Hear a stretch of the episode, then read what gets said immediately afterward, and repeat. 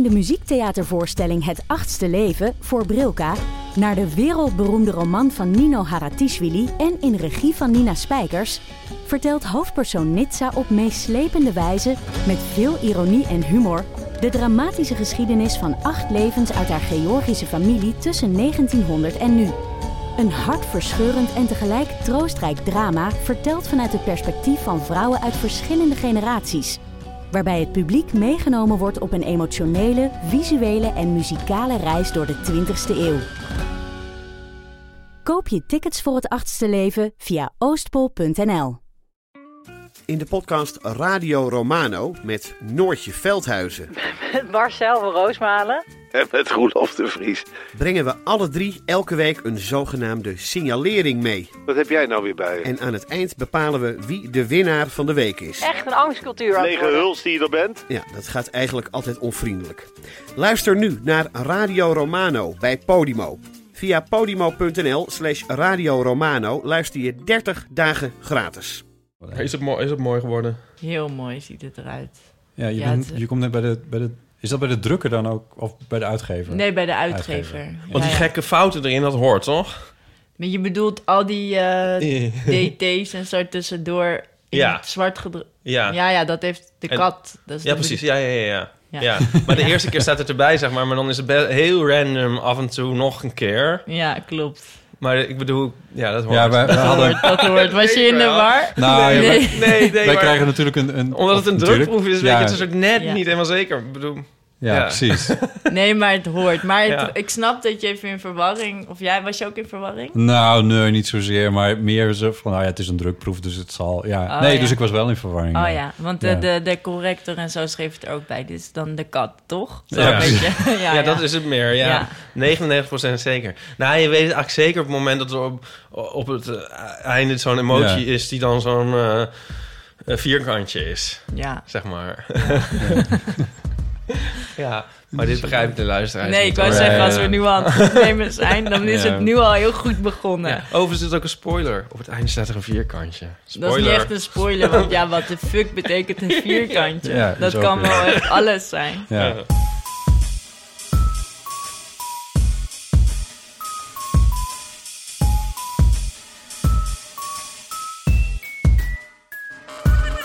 Welkom bij de Eeuw van de Amateur, aflevering 86. Met eh, deze keer aan tafel natuurlijk Ipe Dries. Hardo. En te gast is Maartje Wortel. Hallo. Wat fijn dat je er bent. Ja, leuk om er te zijn. Nou, mooi. Ja, ehm, ehm, wij hebben elkaar eh, ontmoet toen jij op het punt stond om af te reizen voor de avonden naar het... eh, hoe heet het nou ook weer precies? Het ehm, Ja, dat ja, was een eiland, eiland. heb ik in mijn hoofd. Ja, Eh, waar maar niemand dat, bij kon komen. In ieder geval maar Lauwers... Lauwers het was in een, Meer? bij Lauwersmeer, maar het was niet Lauwersoog.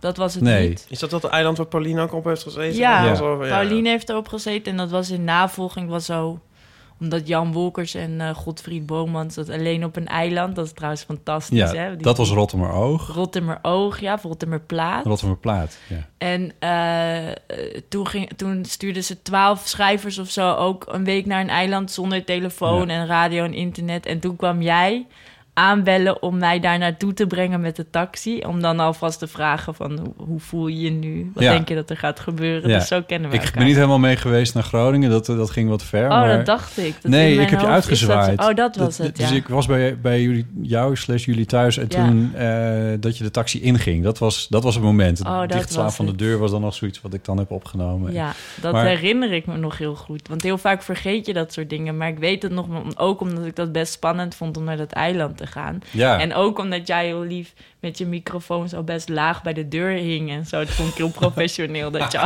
alle geluiden serieus nam. Ja, precies. Ja, Ja. ja. ik, neem mijn, mijn werk heel serieus. Eh, eh, het idee was dat, we, dat, het een, dat je... Nou, Nee, sorry. ja. Het idee was dat wij even eh, zouden registreren eh, hoe, je, hoe je uit of opkeek tegen, eh, de, eh, tegen, tegen die week waarin je alleen op een eh, scheepje zat, volgens mij, of een soort bungalowschipachtig iets. ja, het was een soort woonboot. Ja, Je moest Ja. dan ook al boodschappen opgeven voor de hele week. ja. En iedere dag kwam er dan een soort motor, eh, zo'n waters, waterscootertje.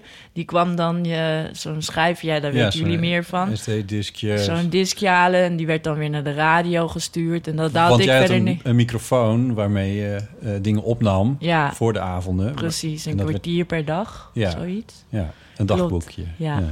Vond ik heel, heel, heel fijn om te doen. is denk ik een van de leukste dingen die ik ooit heb gedaan. Ja, vond dat heel fijn. Ik was van tevoren heel bang, omdat ik dacht, ja, ik ben best wel bang. Ik ben eigenlijk bang voor alles. Dan dacht ik, oh, als ik dan in mijn eentje op zo'n, op zo'n schip zit, een week. een week zonder dat ik iemand kan bellen of zonder dat ik Ja, want dat was het idee. heb, Je ja. had geen, geen internet en geen telefoon. Dat was helemaal het, eh, niks. Het was ja. wel een noodtelefoon. Je Het kon, was een noodtelefoon, ja. als er echt iets was, als ik een hartaanval of zo, oké, dan Ja. kan je niet echt meer bellen. Maar goed, als er echt iets eh, ergens was geweest. Ja. Maar ik, ik- toen, dat vond ik wel mooi, want de- dat je dan omdat ik was zo bang van tevoren, maar als je dan dus in je eentje bent, ben je eigenlijk niet bang, want je hebt helemaal geen publiek voor je angst. Ah, Snap je? Je hebt soms Mhm. publiek nodig voor je emoties of zo. Dus ik zat daar gewoon en ik vond het eigenlijk allemaal prima. ja.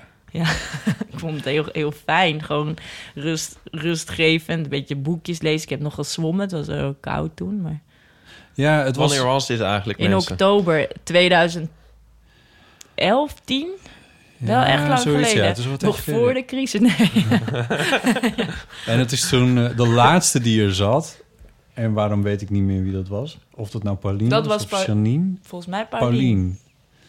Toen begon het te vriezen. Ja. En toen kon het scootertje niet meer komen. En het ijs was te dik om daar nog doorheen. En het was te dun om er overheen. Ja. En toen is hebt de, er toen drie maanden gezeten. ja, ja, die is nooit meer teruggekomen. daar is de, de een reddingshelikopter is er toen naartoe. Oh, dat was. Esther Naomi. Esther, ja. Esther was dat. Ja, Ja, ja, dat was ja. Esther. Ja, en Esther ook Naomi toen, Pequeen, we ja. hadden toen een eindaflevering ook in, eh, hier ergens in Amsterdam. Ja, en klopt. da- daar, ging ook, geen- er kon niemand komen, want het was toen echt, het sneeuwde en de hele stad lag plat. ja. Oh ja, ja. Die goede oude tijd. Ja, dat was leuk. Nou, ja, De het hel van eh 53, ik weet het niet. Nee, maar wat wel, wat wel fijn was, want dat is ook met de hele avonden. Ik, zag, ik sprak toevallig eergisteren Jeroen van Kan ook. Ja. En toen hadden we het over de avonden. Dat een zo, van de presentatoren van toen. Ja. Ja, een van de presentatoren. En dat het echt zo, ja, jullie kunnen dit nu zelf maken, gelukkig, godzijdank. En dat het vrij is. Maar dat je dat echt mist op de radio. Dat er gewoon een gesprek eh, eh, plaatsvindt waarin alles kan gebeuren. En dat je Ja. gewoon de tijd daarvoor hebt en de ruimte. Ja. En ook, weet ik nog, bij de avond was altijd zo'n heerlijke rotzooi. Er gebeurde altijd iets anders. En dat is zo jammer. Nu is al die radio van, oh ja, van tevoren een gesprek. Wat ga je dan zeggen? En altijd over... Ja, hetzelfde. waar, waar kwam jij nou laatst vandaan toen ik jou tegenkwam in uh, Spaghetteria? Eh, waar ik vandaan Ja. kwam. De, toen- de Italiaan van de sterren. Ja, ja, ja, de Italiaan. Zo, zo kwamen we elkaar tegen. Ja, t- ik kwam gewoon eh, van huis. Oh, maar je Leek zei... het alsof ik ergens vandaan kwam? Nee, Ja. die vriendin van mij komt uit Antwerpen. Ja, nee, maar je had omdat je eh, veel make-up had en ik dacht dat je van Oh, tv toen kwam ik van Jeroen. Want ik was in boeken en toen heeft die... Oh, je was in boeken? Ja, Oh. dat komt nog hoor. Ja, dat wordt nog ja. uitgezonden. Of misschien als jullie ik. dit uitzenden. Nee, 17 maart wordt het uitgezonden. Dus Nee, wij zijn wel eerder, ja. Oh ja, nou, dus dat komt nog. En toen Ja. was ik inderdaad vrij heftig opgemaakt, maar dat vergeet ik dan zelf. Maar ik zag jou naar mij en toen dacht ik, oh ja, ik ben opgemaakt. Ik zie er heel anders uit. Want voor de luisteraars, ik maak me nooit op. Ik ken jou inderdaad inderdaad heel ook even niet. kijken of je het was, maar Nee. toen zag ik het toch wel. Ja, het was best heftig, ook met zwarte lijnen onder mijn ogen en zo'n beetje gothic, hè? Het Ja, zag er best oh, wel... Nou ja, dat, dat weet ik niet. En toen nou, ik, maar toen ik het televisie, een- televisie Dream is ook wel wat, Dream is wel wat anders dan gewoon make-up natuurlijk. Ja. Ja, het was namelijk gewoon helemaal... Ik, want mijn gezicht was echt ook vol geplamuurd. Plamuur. Dat mijn rode wangen waren gewoon flat. Weet je, gewoon zo... Hoe noem je dat? Cake of zo? Ik weet ook allemaal niet hoe dit heet. pancake, ja. Van ja. dat pancake zat Ja. erop. Ja.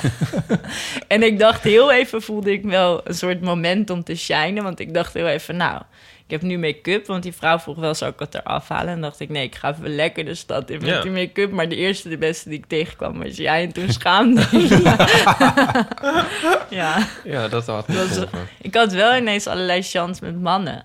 Zeg Oh maar, ja? ik heb ja, dat vond ik echt. Die allemaal mannen waren allemaal van, hé, waar ga je naartoe? En weet ik wat. En ik dacht echt, oké, really? Kan dit met een klein beetje make-up opgelost worden? Is het zo makkelijk? ja, is jeetje. dit het, eh, Zat je erop te wachten of... eh, Nee, niet speciaal, maar ik, het, ik vond het toch wel opvallend. Want ik vraag me heel vaak af hoe dat spel in de liefde werkt of zo. En of er dan iets, ook. bestaat als heteronormatief. Of Ja. hoe je dat dan doet, of hoe je dan flirt of zo. En toen dacht ik, oh oké, dit is opvallend. Dat met een beetje make-up ineens allemaal... En waar ben je dan allemaal geweest? Nou, dat is dus ook weer heel teleurstellend, want... eh, even in de koffieshop en toen weer naar. Ik heb Oh Ja, zelf maar echt in de spaghetteria had je chance zelfs. Nou, de spaghetteria heeft volgens mij een policy dat er alleen mannen werken, omdat het Ja. een. eh, en de, die Wat? zijn gewoon. Omdat? Ja, volgens mij heeft dat iets te maken met zo'n traditionele Italiaanse, weet ik veel wat. Ze hebben, het is een, eh, ja, ik heb dat. Ja, er werken alleen mannen. Ja. hoorde, wist ik ook niet, maar dat zei eh, iemand tegen. Ja, en, en die jongen was toevallig ook heel erg, oh, we gaan jullie heen. Maar ik denk dat dat gewoon ook de policy was. Ja. Dus ik zag dat niet echt als chance, maar nee, het was horeca meer... chance, die, dat, dat telt of dat nee, dat echt. telt niet, nee. Al kan dat tellen, maar ik weet dat... Ik kan dat niet zo goed lezen sowieso. En ook al helemaal dus niet zo goed bij, bij mannen. Maar ik, het, ja, het viel me echt op. Ik dacht echt, oh oké, het werkt dus echt met een soort... Ik heb me versierd en nu ga jij mij versieren. Of zeg maar, ik heb Ja. mijn hoofd versierd Ja. en nu ga jij mij versieren. Want voor wie het niet helemaal weet, maar over het algemeen versier je niet echt mannen, geloof ik. Nee, ik val Nee. op vrouwen. Ja. Ik val ook wel eens op mannen hoor, maar ik, ik vind toch... eh, vrouw, ja, dat hadden we het net... Dus, nee, maar dan begrijp ik ook een beetje beter van dat, dat het een, spelletje, dat wat je zegt heteronormatief of zo, dat- maar Ja. dat, dat dat spelletje voor jou een soort van nieuw dingetje was eventjes. Ja, ik vind dat toch wel, wel best interessant. Omdat ik dan altijd denk, oh, een spel is toch een spel? Of een soort seksueel... eh, seksuele dans of zo. Dat is, dan Ja. toch het, dat is dan toch gewoon... Maakt toch niet uit wat, het, wat, wat voor geslacht je hebt of zo. Maar volgens mij maakt dat toch uit. Weten jullie daar iets... eh, Ik denk het verschil- wel. Ja, Ja. toch anders hoe je om iets vraagt eigenlijk. ja. Of de... Ja, wat bedoel je precies? Nou, volgens mij is het... Dit moet ik wel echt oppassen, want het klinkt een beetje seksistisch... want ik weet er ook niet zoveel van. Maar volgens mij is het dat je op een andere manier flirt, toch? Of, dat je dan als vrouw een beetje meer iets van... Een, of mannen eh, tegenover elkaar iets van elkaar vragen, bijvoorbeeld. En dat een vrouw... mm, Meer hint. Ja, is iets subtieler Ja. misschien. En dat dan een man daarheen kan of niet. En ik, ik, als ik dan een meisje leuk vind, dan stap ik er meestal wel gewoon op. Ja, ook niet dat ik daar heel brave in ben. Ik word er nu al rood van, gelukkig ziet niemand dit. Maar meer dan, dat is toch anders. Ik weet niet, dat voel je beter aan. Maar dat komt natuurlijk ook gewoon dat ik op vrouwen val. Dus dit is weer een heel erg onhandige... Nee, ik snap denk ik wel wat je bedoelt. Ik, ik probeer het alleen even te relateren aan... eh, maar ik bedoel, ik ben ook niet altijd heel erg direct daarin. Eh, wat niet echt helpt.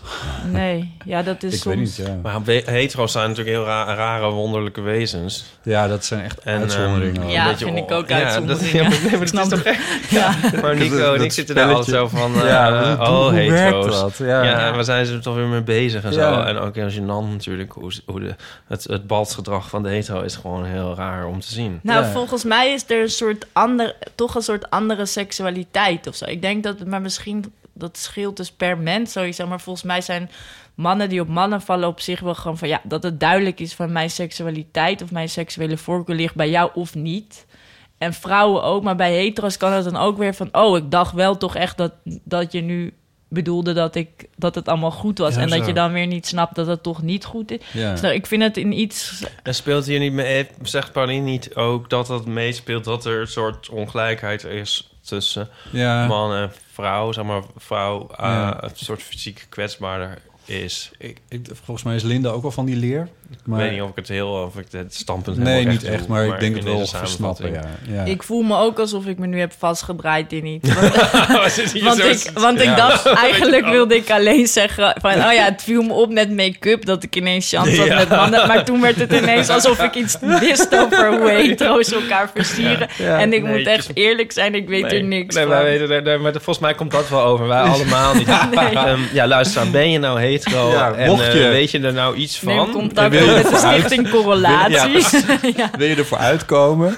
Ja, ja, ja. Nee, ja, nee. Maar het, ehm, er is één ding waar ik bij hetero's wel jaloers op ben, zo gezegd, is dat... Zo gezegd, oké. eh, ja, dat is een soort veiligheidje wat ik dan in die zin inbouw. Ja. En ehm, eh, dat is namelijk dat eh, in principe als mannetje zie je een vrouwtje En dan Je zou gaat dat in erg- principe zou dat dan iets kunnen worden. Terwijl bij homo's, je bent een mannetje, je ziet een mannetje. Ja, je, of, of dat iets wel of niet kan worden, dat is maar buitengewoon de vraag. Sterker nog, in sommige gevallen krijg je een beuk op je neus. Oh ja, zo. Dat je niet echt weet van of, of het Of ze ervan gediend zijn. Ja, maar dit ja. een beetje aan waar, in welk domein je begeeft. Dus als je naar een eh, Daarom enorm bestaan homofeest ja. gaat met Ja. ti- 10.000 gays. dan is het een ander verhaal. Ja, maar misschien als je daar nou niet van houdt, want Ja. ik kan me ook Nee, dat- dat voorstellen, dan is het wel lastig. Ja, dan lijkt Ja. het me wel lastig. En ook als je van een soort, Ja. want op die feesten gaat het ook vaak om gewoon lala, drinken en, Ja. en versieren of zo. Maar als je echt op zoek bent naar diepgaande liefde of tederheid of zo, en je zoekt dat gewoon Ja. Op straat. Oh, Ja. hoe heet zij ook weer? dat, ja. Die, die eh, Netflix-hit van een paar Ja, maanden je bent dan wel echt een on- on- onverbeterlijk romanticus als je liefde en tederheid op straat gaat zoeken, overigens. Maar Ja, maar dat is, juist, is juist op straat Ja. te vinden, Ja. toch? Want Ja. hoe doen je, zijn, Ja. zijn jullie dan van de apps en zo? Where, where, where are the silent gays? Vraagt zij zich op een gegeven moment af. Hoe heet zij nou ook weer? Oh, Nanette? Nanette. Die show heet Nanette. Oh ja, die is fantastisch. Van Ja. eh, Gatsby of zo. Ga- ja. Hannah Gatsby zo? Hannah. Ja, ja, ja. Ja, dat is goed, ja. Ja. Where, where are all the silent gays? Maar ik, volgens mij is het af. ook dat je wel een beetje subtiel kan flirten met, met mensen op straat. Omdat een hetero die er echt helemaal niks van weet, die merkt het over het algemeen ook niet. En volgens mij staan je toch die- ook ja. meer mensen ervoor open dan je denkt. Maar Ja, misschien is dat ook, bij ja. mannen weer anders. Maar bij Nou, vrouwen Nou, ik vind het best wel een beetje eng hoor. Ik zou niet zomaar op straat... Dat, dat- moet iemand een beetje inschatten natuurlijk. Maar je Ja. hebt toch wel... Maar dan... Ja, maar het ligt er toch ook weer aan hoe je flirt. Want je Ja. kan gewoon Ja. kijken toch naar Ja, elkaar. precies. Dat je elkaar Ja. dan niet meer aan kan kijken om Ja. Ja, eh, en dat doe ik ook wel. Ja. Ik kijk denk ik wel iets... Ik kijk denk ik raar naar mensen. Denk ik wel eens, Hoe van dan? Mezelf. kijk Ja, je ik dan? weet niet. Ik ga als ik, als te ik op de beschrijven fiets voor de zit... luisteraar. Als ik op de Ja. fiets zit en ik fiets door, weet ik veel, de, de, de- ik fiets veel door de kerkstraat. En dan, en dan loopt daar een, een, wat ik denk, leuke jongen. Ja. En dan, en dan probeer ik toch oogcontact te zoeken. En dat, maar dat doe ik al heel lang. En dat gaat natuurlijk nooit ergens naartoe, want je fietst... Ja, je Ja, stapt als je niet... fietst is dat wel een Ja, beetje dan- zinloos. Ja, dat gaat te snel. Nee, ja, dat gaat wel echt te Maar zelfs, snel. maar, ze- Ja, behalve als je dan echt ja, weer zo maar zelfs lopen bent gaat dat je snel. stopt. Ik denk dat kruipen beter is. Maar in, in ieder geval, dan, dan... Ja, ik bedoel, en stel dat iemand dan terugkijkt... dan voel ik me ook weer meer... Oh, sorry, heb ik dan meteen Ja. weer iets? Dat is vooral zo, hè. Dat heb ik in ieder geval. Als je dan, ik durf dan wel te kijken van, oh, die vind ik leuk. Maar als iemand dan heel lang terugkijkt, dan struikel ik en dan word ik rood en dan ga ik zweten en dan wil ik weg. Dus Ja. dat werkt ook niet. Ja, oh, dat heb ik dus Ja, precies ja. hetzelfde. Ja. Toen jij dan net zei van man- een mannetje en een vrouwtje... Heb je ook wel eens het gevoel dat je zelf dat je in een soort natuurfilm zit? Ja, ja op de- als het over dit soort dingen gaat wel, ja. ja. Zo Waarom dan? Zo'n do- Alsof je zo van, oh ja, deze, deze soort Nou, pakt het zo aan. Ja, Ja. ja. En dan heb je altijd zo'n Voor trage... Ik moet er dus wel eens aan denken bij, eh, bij zo'n bij zo'n eh, treurige grinder date... die zo overduidelijk eenmalig is... en zo, dat je ook niks van elkaar weet. Zo van die, van die twee van die dieren die elkaar dan in de wildernis tegenkomen. Zo, twee van die ijsberen of zo. En dan Ja. in de verste omtrek niks en niemand en zo. En dan gaan ze zo één keer zo meten. Balsen. Ja. Ja. En dan... En na deze ontmoeting zullen de twee elkaar nooit meer zien. Ja, ja. Zegt dan de voice-over. En Oh, dan nu wil zo ik ineens heel graag een natuurdocumentaire over de gays zien. Ja, en dan nou, met zo'n onder... eh, ja. ja. Want ik denk niet... Het valt niet goed, denk ik, bij, in de gay scene. Wat? Nou, als je dat echt zou doen... Oh, dat is ja, maar je kan het ook voor mensen in het algemeen doen. Maar, maar als het... Nee, maar ik bedoel meer dat als je dat... Dat vraag ik me af. Als je dat echt zou gaan uitvoeren. Als wij dan zeggen... Oh, dit is een goed idee. We gaan dat doen. En we Oh. gaan daaronder z- zo'n commentaar geven... alsof het een na Ja, natuurfilm... Zullen sommige lachen. mensen... Ja, inderdaad erom lachen. Maar ik denk ook dat er nog wel... Vooral in deze tijd... Een beetje overspannen soms in hoe je Ja. op elkaar reageert... Mwah. Een, ja, toch? Want Ja, en, en, en, en, en dat mensen kwaad worden van... Oh, ga je Ja. dit nu als een ja, mensen vreemde worden soort... kwaad om. Ja, dat is waar. Waarschijnlijk zijn nu al heel veel luisteraars... Nu zijn er ook wel Pisselijk. kwaad. zijn nu ook Ja. ook kwaad. Nou, ik moet ook heel erg denken aan die scène. Kennen jullie die scène van die dieren die dan... ehm, dat er dan eh, eh, gegist fruit zo ligt. En dan worden de dieren dronken. Dat is Ja. een heel beroemde scène. Ja. Daar moet ik altijd aan denken als mensen dan dronken zijn. Van, ze hebben we... Ja. Dronken diertjes. Ja. En als je op kinderen gaat letten, gewoon Oh, als ja. je in het park gaat zitten en je kijkt naar kinderen, lijken ook allemaal Ja. dronken. dat is heel grappig. Als je dat waar, bedenkt, ja. dan is het Ja. veel leuker om naar kinderen te kijken. Dat ook, ja. ja. Maar het is ook een heel vervreemdende manier om erin te staan. Want je doet niet mee op het moment dat je op die manier ernaar staat te kijken. Tenminste, dat heb ik als ik in de, in, I don't know, in de eh, Paradiso sta op zo'n eh, fucking popquizfeest of zo. En ik begin op die manier te na te denken over, over de hele situatie. Dan ben je er eigenlijk al uit en kom je er ook nooit meer in. Dan is Nee. het ook de avond ook verloren Ja, het is eigenlijk. verloren, ja. Ja, dat, dat, kun- want dat kun je met niemand delen, want iedereen is gast. Zit er zelf in. Ja, wat Ga heb jij geslikt? ga jij ook uit? Of ik uitga? Ja? Ja? Ja, ik ga wel uit. Ik ga straks bijvoorbeeld, maar ja, dat, dat is niet per se mijn idee, maar naar Mode Selector. Dat is een concert van een Oh, of ja. ander. Ja, dat is best wel hard, geloof ik. Dat zijn mannen in apenpakken of zo. Oh. Ja, het is een soort... eh, Klinkt heel leuk. ja, dat is, dat is voor, ja, ik Waar heb is er maar één keer naar geluisterd. Of Paradiso of Melkweg, dat weet ik niet precies. Ik heb er één keer naar geluisterd, maar eh, schijnbaar heel bekend uit Duitsland, geloof ik. Een beetje house, maar dan wel, wel goed Ik ken de eigenlijk. naam alleen. Ja, het is wel goed. Iemand Misschien, mee. misschien heb ik nu iets heel stoms gezegd met het woord house, omdat ik er dus één keer naar geluisterd heb. En als het al een beetje hard gaat, denk, Ah. vind ik alles house. Je kan, Ja. veilig is dan altijd om EDM te zeggen. Oh ja, Elektronische Nou, dansmuziek. oh. oké. Ja, Nou, elektronische dansmuziek is het. Ja. Dat klinkt toch ook al heel vervreemdend? ja. Dan zeg dan maar house. Maar Ja. inderdaad, ja, over het uitgaan. Dance. Ik ga wel eens uit, Ja, uit ja. ja, Maar ik hou wel ook veel... Ja, dat is misschien omdat ik dan weer ouder word, allemaal saai. Maar ik hou van kroegen wel ook gewoon praten. En daar kan, is dus wel makkelijk. Toch, dat is best makkelijk contact leggen in een kroeg. Welke kroeg dan? Ik hou heel erg van... Mijn lievelingscafé is Café La Fiche. Dat is in West, dat is in de Jacob van Lennepstraat. En van bijvoorbeeld Café de Wetering met dat vuur. Mm. Gewoon een Ja, beetje van die oude fijn. cafés. Hier, Ja. Eik en Linde vind ik leuk. Dat ik zit dacht er wel dat je iets zou zeggen als Lellebel of zo. Oh, nee, nee, nee. Ik ga niet naar eh, pannenkoeken. Oh, ik, ik noem dat dat pannenkoeken. Les- Pannenkoeken? Ja, eh, lesbiennes noem ik altijd pannenkoeken. Eh, ik ga niet naar eh, lesbische... alleen gay pride doe ik wel. Ga ik heen, maar niet... Ja. eh, ik ga nooit naar een lesbische kroeg. Nee, uh, Lellebel Je hebt ook een- eigenlijk niks. Met Lellebel. Ja, en ehm eh Serijn. Oh ja, natuurlijk. Ja, dat zit bij ons eh studio om de hoek. Oh ja. Dat ding. Eh, Dat ja. is op zich wel leuk hoor. Ja. Alleen, die, dat ziet er altijd wel gezellig steeds ja, uit. dat is wel gezellig. Ja. Maar daar ga ik niet speciaal naartoe of zo. Maar dat is wel een leuke kroeg. Ja. Ja. Ja. We hebben het nu over een, een grote hoofdstad eh, in Oh, het ja. midden van ons land. Sorry, ja, we hebben Ja, het over. Amsterdam. Over Amsterdam, We ja. gaan, gaan hier snel overheen. O- over ouder worden gesproken. Dit is een beetje rich coming from me misschien. Maar ben je nou uit 1982 of uit 1983? Uit 82, maar het Oh. klopt dat op mijn eh debuutbundel 83 staat. Dat heb, ik- daar heb ik niet zelf om gevraagd. Dat is een fout van de uitgever geweest. Grappig. Ja. Dat is ook een hele rare foto. eigenlijk. Ja, leg het snel weg.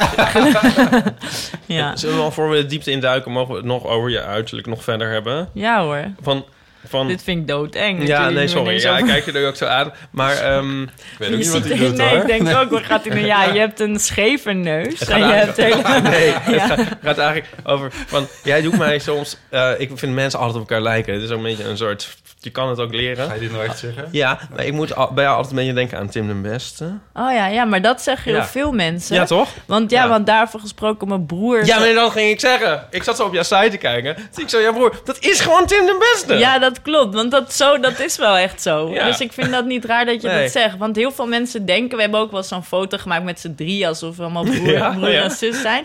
Want we hebben dezelfde tandjes en dezelfde... en een soortzelfde... Ja, we- ja er is iets... Maar mijn broer lijkt er heel erg op. Die is zelfs... Die heeft, ik weet helemaal niet hoe heet zo'n site... Waar je date Eh, voor hetero's. we zijn allemaal helemaal in de bar. Eh, ja, dat, dat voor- is swipe gebeuren. Oh, Tinder. Tinder. ja. Oh, dat is niet alleen voor retro's. Maar in Nee, ieder geval, eh, daar, daar heeft mijn broer was dat ze van, ah, ben je broer van... Zeg, ze, ja. hebben ze echt tien keer gevraagd. Dus Ja. het is niet raar nee, dat je het zegt. Nee. Nou, ga je dan ja ik even out of the way hebben. Ja, sorry. Dat is gewoon meer van... Dat zit En, gewoon in en Lucky Fons ook, zeggen, denken mensen. Als ik met eh, Otto... eh, Oh ja. Nou, maar dat, ik snap dat wel van in dezelfde soort categorie of zo. Maar Ja, ja, ja. ja. maar die gelijkenis vind ik minder. Ja, ja, ja, oké. ja wel leuke Ik, mensen. ik ben ook blij met Tim, want ik vind Tim echt een heerlijke jongen. Als Tim luistert, weet je, weten jullie of Tim naar jullie luistert? Nee, weten wij niet. Oh, nou, als Tim, als je luistert, hoor je Tim. Ja, Toch even, ja. laat het even weten als je luistert. Ja. Ja.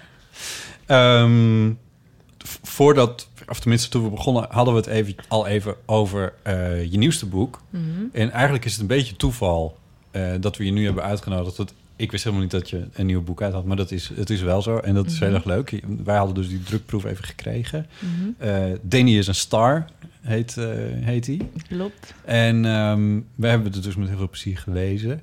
En jij bent nu dus bezig met dit soort mediatourneetje ook voor eh, dit boek. Ja, nou, het, ja, toen ja, klopt. Oh, ja, ja. interviews Bij gegeven. Jeroen en Ja, ja bij, eh, bij Daphne Bunskoek. Daphne Bunskoek. Ja, bij de vijf uur show heet dat zo? Ja. Ja, bij de vijf uur. Ja, een paar van die dingen voor de krant. En, En wat vroeg Jeroen allemaal? Nou, ja, nou, dus ik heb dus een nieuw boek geschreven. Hey, Danny is een star. En Jeroen ken ik dus, zoals gezegd, al van boeken. Of van eh, eh, de avonden, Ja, sorry. ja. En ik was dus nu bij boeken. En eh, het is een heel moeilijk boek om over te praten. Ja. Want er is, zit niet een... eh, dat zit sowieso niet echt in mijn werk eigenlijk. Dus ik denk dat de meeste boeken die ik heb geschreven... moeilijk kunnen zijn in potentie om, om over te praten. Maar dit boek is extra moeilijk om over te praten... omdat het eigenlijk gaat over de oneindigheid van het heelal... en een soort vrije val daarin. En je proberen vast te houden aan een mens... of aan een literatuur of aan een dier of een, een religie... Ja. En dat zit ook heel erg in de vorm. Dus de vorm is ook een soort vrije val. Dus je kan ook niet zeggen, nou, dat personage heeft, maakt een ontwikkeling door van Nee. hier naar hier. Dus het ging dan vooral erg over de tijd. Ja. En dat, want we hadden het net al even over Paulien. En misschien hebben jullie dat gelezen ook in de Ja. verantwoording. Ja, want ik zat met Paulien, was ik wat aan het drinken met Paulien Cornelissen. Dus, en die eh, zei, ik, ik had het over de tijd en dat ik dacht, op een gegeven moment, ik loop vast in mijn denken en ook in mijn liefde of in mijn manier van leven. Doordat ik de tijd lineair bena- benader. Alsof er alleen maar een toekomst is en een Mhm. verleden. En ik kan heen en weer schuiven over die lijn. En toen had ik het daar met haar over. En toen zei ze, ja, maar... maar eh, en toen, dat een hond... Dat, dat een hond dat eigenlijk uitdrukt. Want je kan een hond ook aanlijnen... en die kan alleen maar vooruit en achteruit. En toen zei zij, je moet maar eens een kat proberen aan te lijnen. Dat gaat niet, want die klimt in de boom... en die gaat overal heen. En toen dacht ik, oh, ik moet een kat nemen...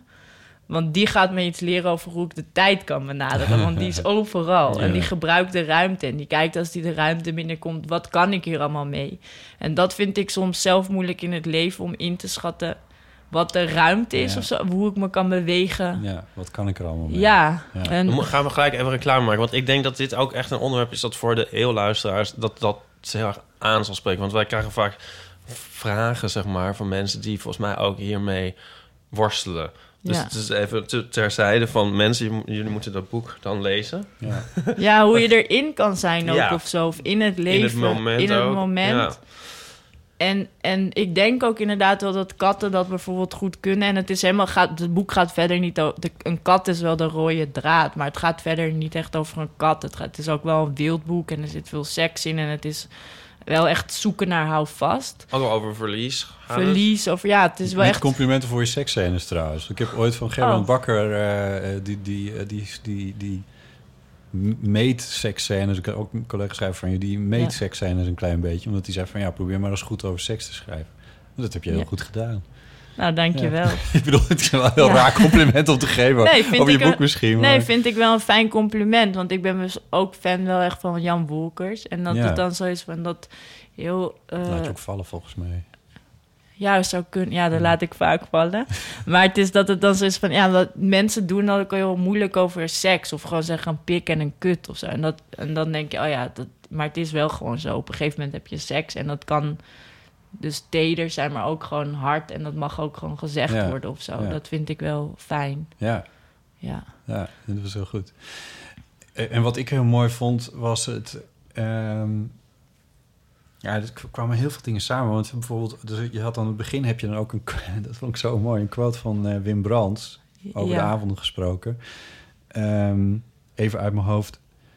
Eh, die op de Rietveld... Dit volgens mij... Is dit, dit, dit moet uit je echte leven komen. Eh, dit stond volgens mij ook bij een Dit, soort dit van komt uit mijn, of uit mijn echte leven. Dat is inderdaad voordat ik het boek... Voordat het boek begint, of voordat hoofdstuk 1 begint, staat er van... eh, Schrijf nooit over je kat. Ja, Wim Brandt gaf me een paar regels mee. Ja. Die zei niet lachen, dat komt zo dom over. ja. Eerst leren hoe je moet sturen voordat je uit de bocht vliegt. Ja, ja. En schrijf nooit over je kat of over welke kat, Kat dan dan, ook. En ik Dat dacht, is zo Wim Brands ook. ja, ja. en dat waren ook wel echt specifieke regels die naar mij gericht waren. Ik schreef helemaal niet over, over een kat hoor, maar gewoon... Het gevaar zat erin. Ja, zoiets. Zo van, hij bedoelde daar natuurlijk ook Nee, niet over iets futiel. Gewoon maak het wat groter of universeler. Mensen zijn niet geïnteresseerd in je persoonlijke verhaal. Maar ehm, ja, klopt. Daar, daar begint het mee, omdat ik op een gegeven moment dus toch die kat nodig had om iets te zeggen over een geloof en ook wel over een vriendengroep die dan eigenlijk samen met z'n allen in een kat gaan, gaan geloven. Ja. Eh, en dus die kat die het moet zeggen over de tijd, maar ook wel over de liefde. En dat, dat En- idee en, had ik. daarmee, Het, sorry dat ik... Ja, ja, nee. Nou, mag, je mag me onderbreken, vind ik leuk. Maar, maar ja, maar ik Nou doe ja, het ook het- af. Ja, maak Wat het je af. wil. Maak het af, maak het af. Ik onthoud het wel. Oké, ja, want ik wou zeggen van ja, dus ik, dat idee had ik. En toen hoorde ik gewoon de hele tijd. En jij hebt Wim Brands ook gekend. En Wim Brands is gewoon wel een man om tegenop te kijken. En die wist ongelooflijk veel. En die had ook wel een bepaalde autoriteit. En ik hoor gewoon, ik hoorde hem de hele tijd zeggen: niet over je kat schrijven. Niet, en ik was het toch aan het doen. Dus ik dacht, dit moet er heel even in. Dat ik me er ook bewust, weet je, ik ben Ja. me er bewust van dat ik iets aan het doen ben wat niet hoort. Maar fuck it, want dat hoort ook bij gewoon gaan en erin zijn. In het Ja. leven, in de tijd. In, Nou ja, als je en- de hele tijd luistert naar wat iedereen wel of niet oké vindt, dan doe je ook niks Ja. meer. En in zekere zin gaat het verhaal ook niet over de kat. Laten we Nee, weten. totaal niet. Nee. Wat, Nee. wat ik wilde zeggen was... Of totaal niet, maar nee, Nou. eigenlijk niet. Nee. Nee, nee. Maar ehm, eh, het, het, het creëren van... eh, of- eh, ik geloof, ik ben even kwijt hoe het precies, hoe je het precies zeg maar... van de, de, dat lineaire waar, we, waar je het net ook over had... Mhm. van, de- van het verloop van tijd... Of je de wereld zo moet kijk, bekijken, of dat het of dat de werkelijkheid, of dat dat dan, of dat dat de werkelijkheid is, of dat eh, de werkelijkheid eigenlijk een verzameling verhalen is. Eh, ze- citeer Ik snap wat je... Ja, Nou, Nee. Ja, ik citeer dit iets anders, maar ik snap wel wat je bedoelt. Want er zit ook bijvoorbeeld zit ook in het boek dat ik een documentaire zag over Nick Cave en zijn zoon gaat dan dood. ja, En dan eh, in die documentaire wordt hij gevolgd vlak nadat die zoon is overleden. En dan zegt hij: Ik snap nu tijd. Het is het ene, de ene gebeurtenis stapelt op de andere. Eigenlijk dus ook hoe het boek in elkaar zit. En dat is ook rond. Dat is 3D, het is een soort elastische brei waarin Ja. alles zit. Dus dat is ook denk ik met hoe je je leven vormgeeft of hoe je verhalen vertelt. Al die dingen bij elkaar zijn in een soort. Ja, de, de luisteraar kan niet zien wat ik doe met mijn handen, maar ik maak een soort bal. Ja, zit, in een, zit in een soort. Ja, ik ben soms een beetje zweverig misschien, maar in een soort eh, energie. eh, alsof je een soort basketbal van energie bij elkaar. Al, al die dingen bij Ja. elkaar van je leven vormen. En dat is de, dat is de kern of zo. ja, ja. Nou ja, dat, dat zag ik in die kat. Ja. Eh, ook omdat, omdat die kat allemaal betekenis krijgt waar het, waar het beestje ook niks aan kan doen. Nee, ja, dat is wel zielig. Dat is heel vaak natuurlijk met een god. Ja, maar met katten, katten ook, met goden, Ja. maar met katten, maar eigenlijk met alles in de wereld. In de liefde ook, literatuur, ja. Ja, literatuur, noem maar op. Ja. ja. Die kant is dus ook, zullen we dat nog verklaren voor mensen die nog, nog van het begin als vraagteken hebben. Die loopt dus af en toe over je toetsenbord en die eh fuckt dan ja. wat up eigenlijk in de tekst. Ja, ja, die bemoeit zich er over. flink mee, ja. ja.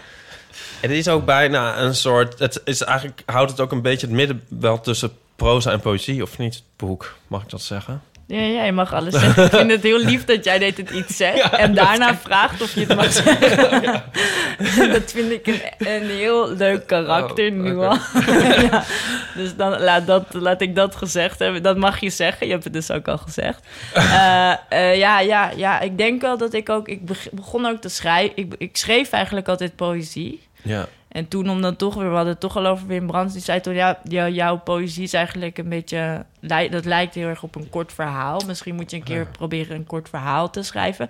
Dus mijn korte verhalen zijn uit de hand gelopen poëzie en mijn, en mijn romans zijn een beetje uit de hand gelopen korte verhalen. Dus het komt allemaal wel, ik schrijf inderdaad niet op een, waar we het in het begin al even over hadden, of in het midden, ik weet niet hoe lang dit programma Nee, eigenlijk horen we zijn nu eh, ja, in deze begin bal van, van bal tijd. ja.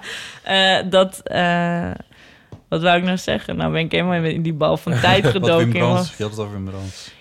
En een kort, kort lange verhaal. Ah, ja, dat er, dat er de- nee, waar we het in het begin over hadden, dat er geen, niet echt een, ont, of geen is niet waar, want er zit wel een ontwikkeling in en het is ook dus een never-ending story of zo ergens, maar er zit niet zoiets in als, ik, ik heb de nieuwe roman van bijvoorbeeld Peter Buwalda niet gelezen, maar daarvan zou je, weet ik, eigenlijk 100% zeker kunnen zeggen, het begint met een personage die dit en dit en dat niet weet, dan gebeurt er zus en zus en zus. En zo, even los van wat hij is heel, maar die bedoelde, ik voor- daar ga je mee met een ja. ont, er is een ontwikkeling en je vindt het spannend en wat gaat er nu gebeuren. En dat, zo zie ik het leven niet. Dus zo Nee. wil ik ook niet dat schrijven. vind ik en ook dat, wel... Ja, dat is het poëtische eraan. ja, en dat Ja. vind je dan, dat bedoel je denk ik met poëzie, want het is wel gewoon, gewoon, gewoon geschreven. Ja, niet- maar ik, nou, ik vind de zinnen ook wel poëtisch van toon, zeg maar. Oh ja, ja. Maar, ehm, maar ja, ik, ik schrap heel veel. Dus Ja. het, het is, eh, ik wil eigenlijk het liefst zo min mogelijk ja. eh, zeggen. En dan niet van less is more-achtig. Want het is niet per se dat ik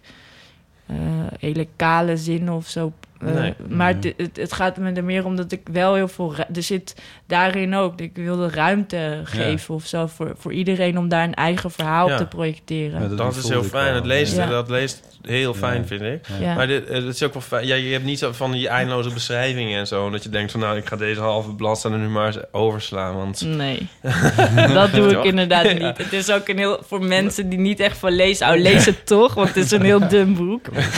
ja. een boek Ja. voor mensen die het niet willen lezen. Ja. Maar ehm, Dan ja, heb je ineens een heel groot publiek, denk ik. Als je dat zegt. Ja.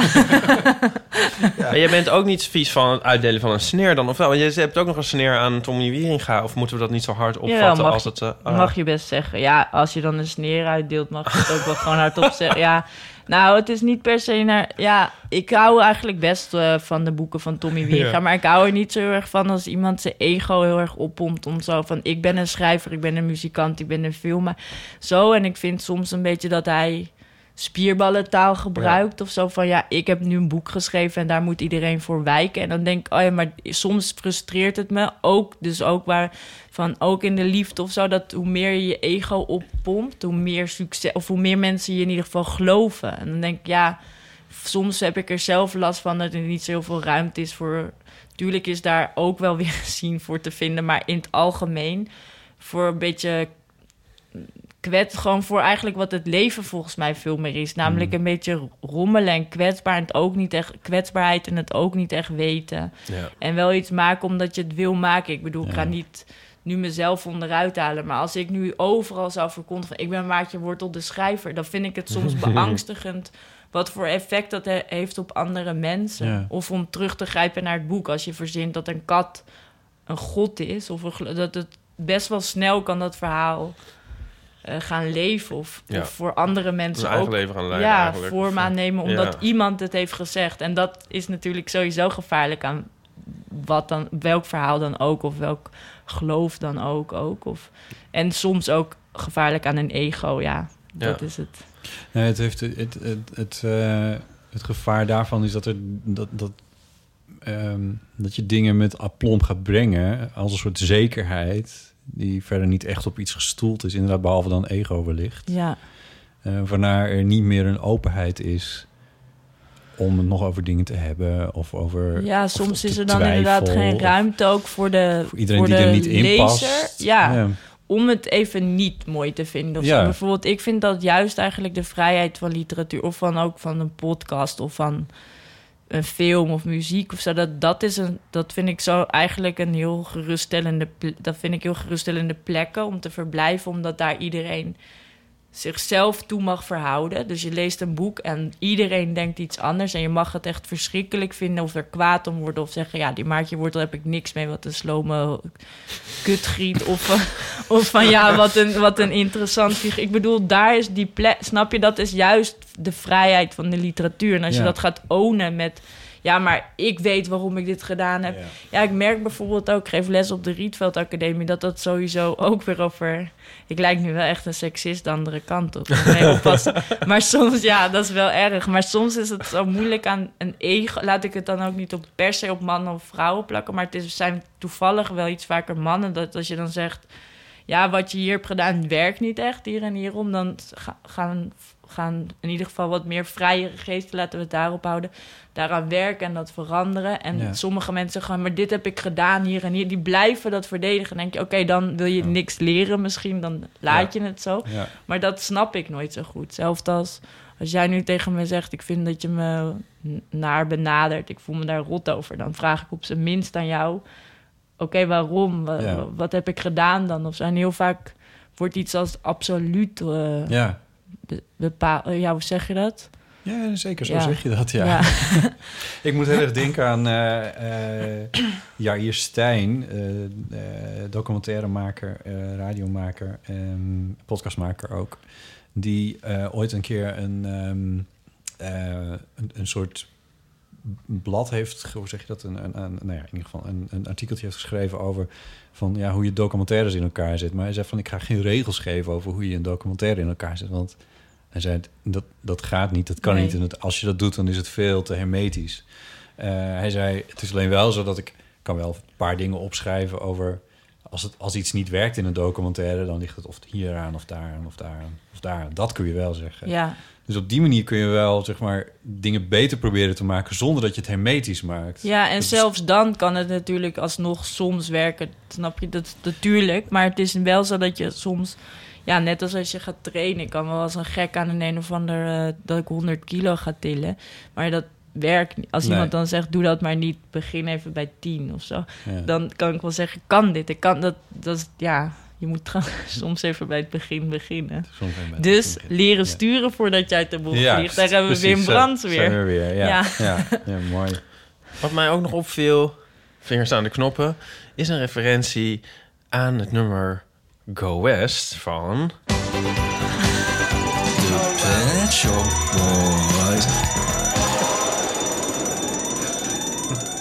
Hoewel het natuurlijk eigenlijk een cover is van The Village People, maar...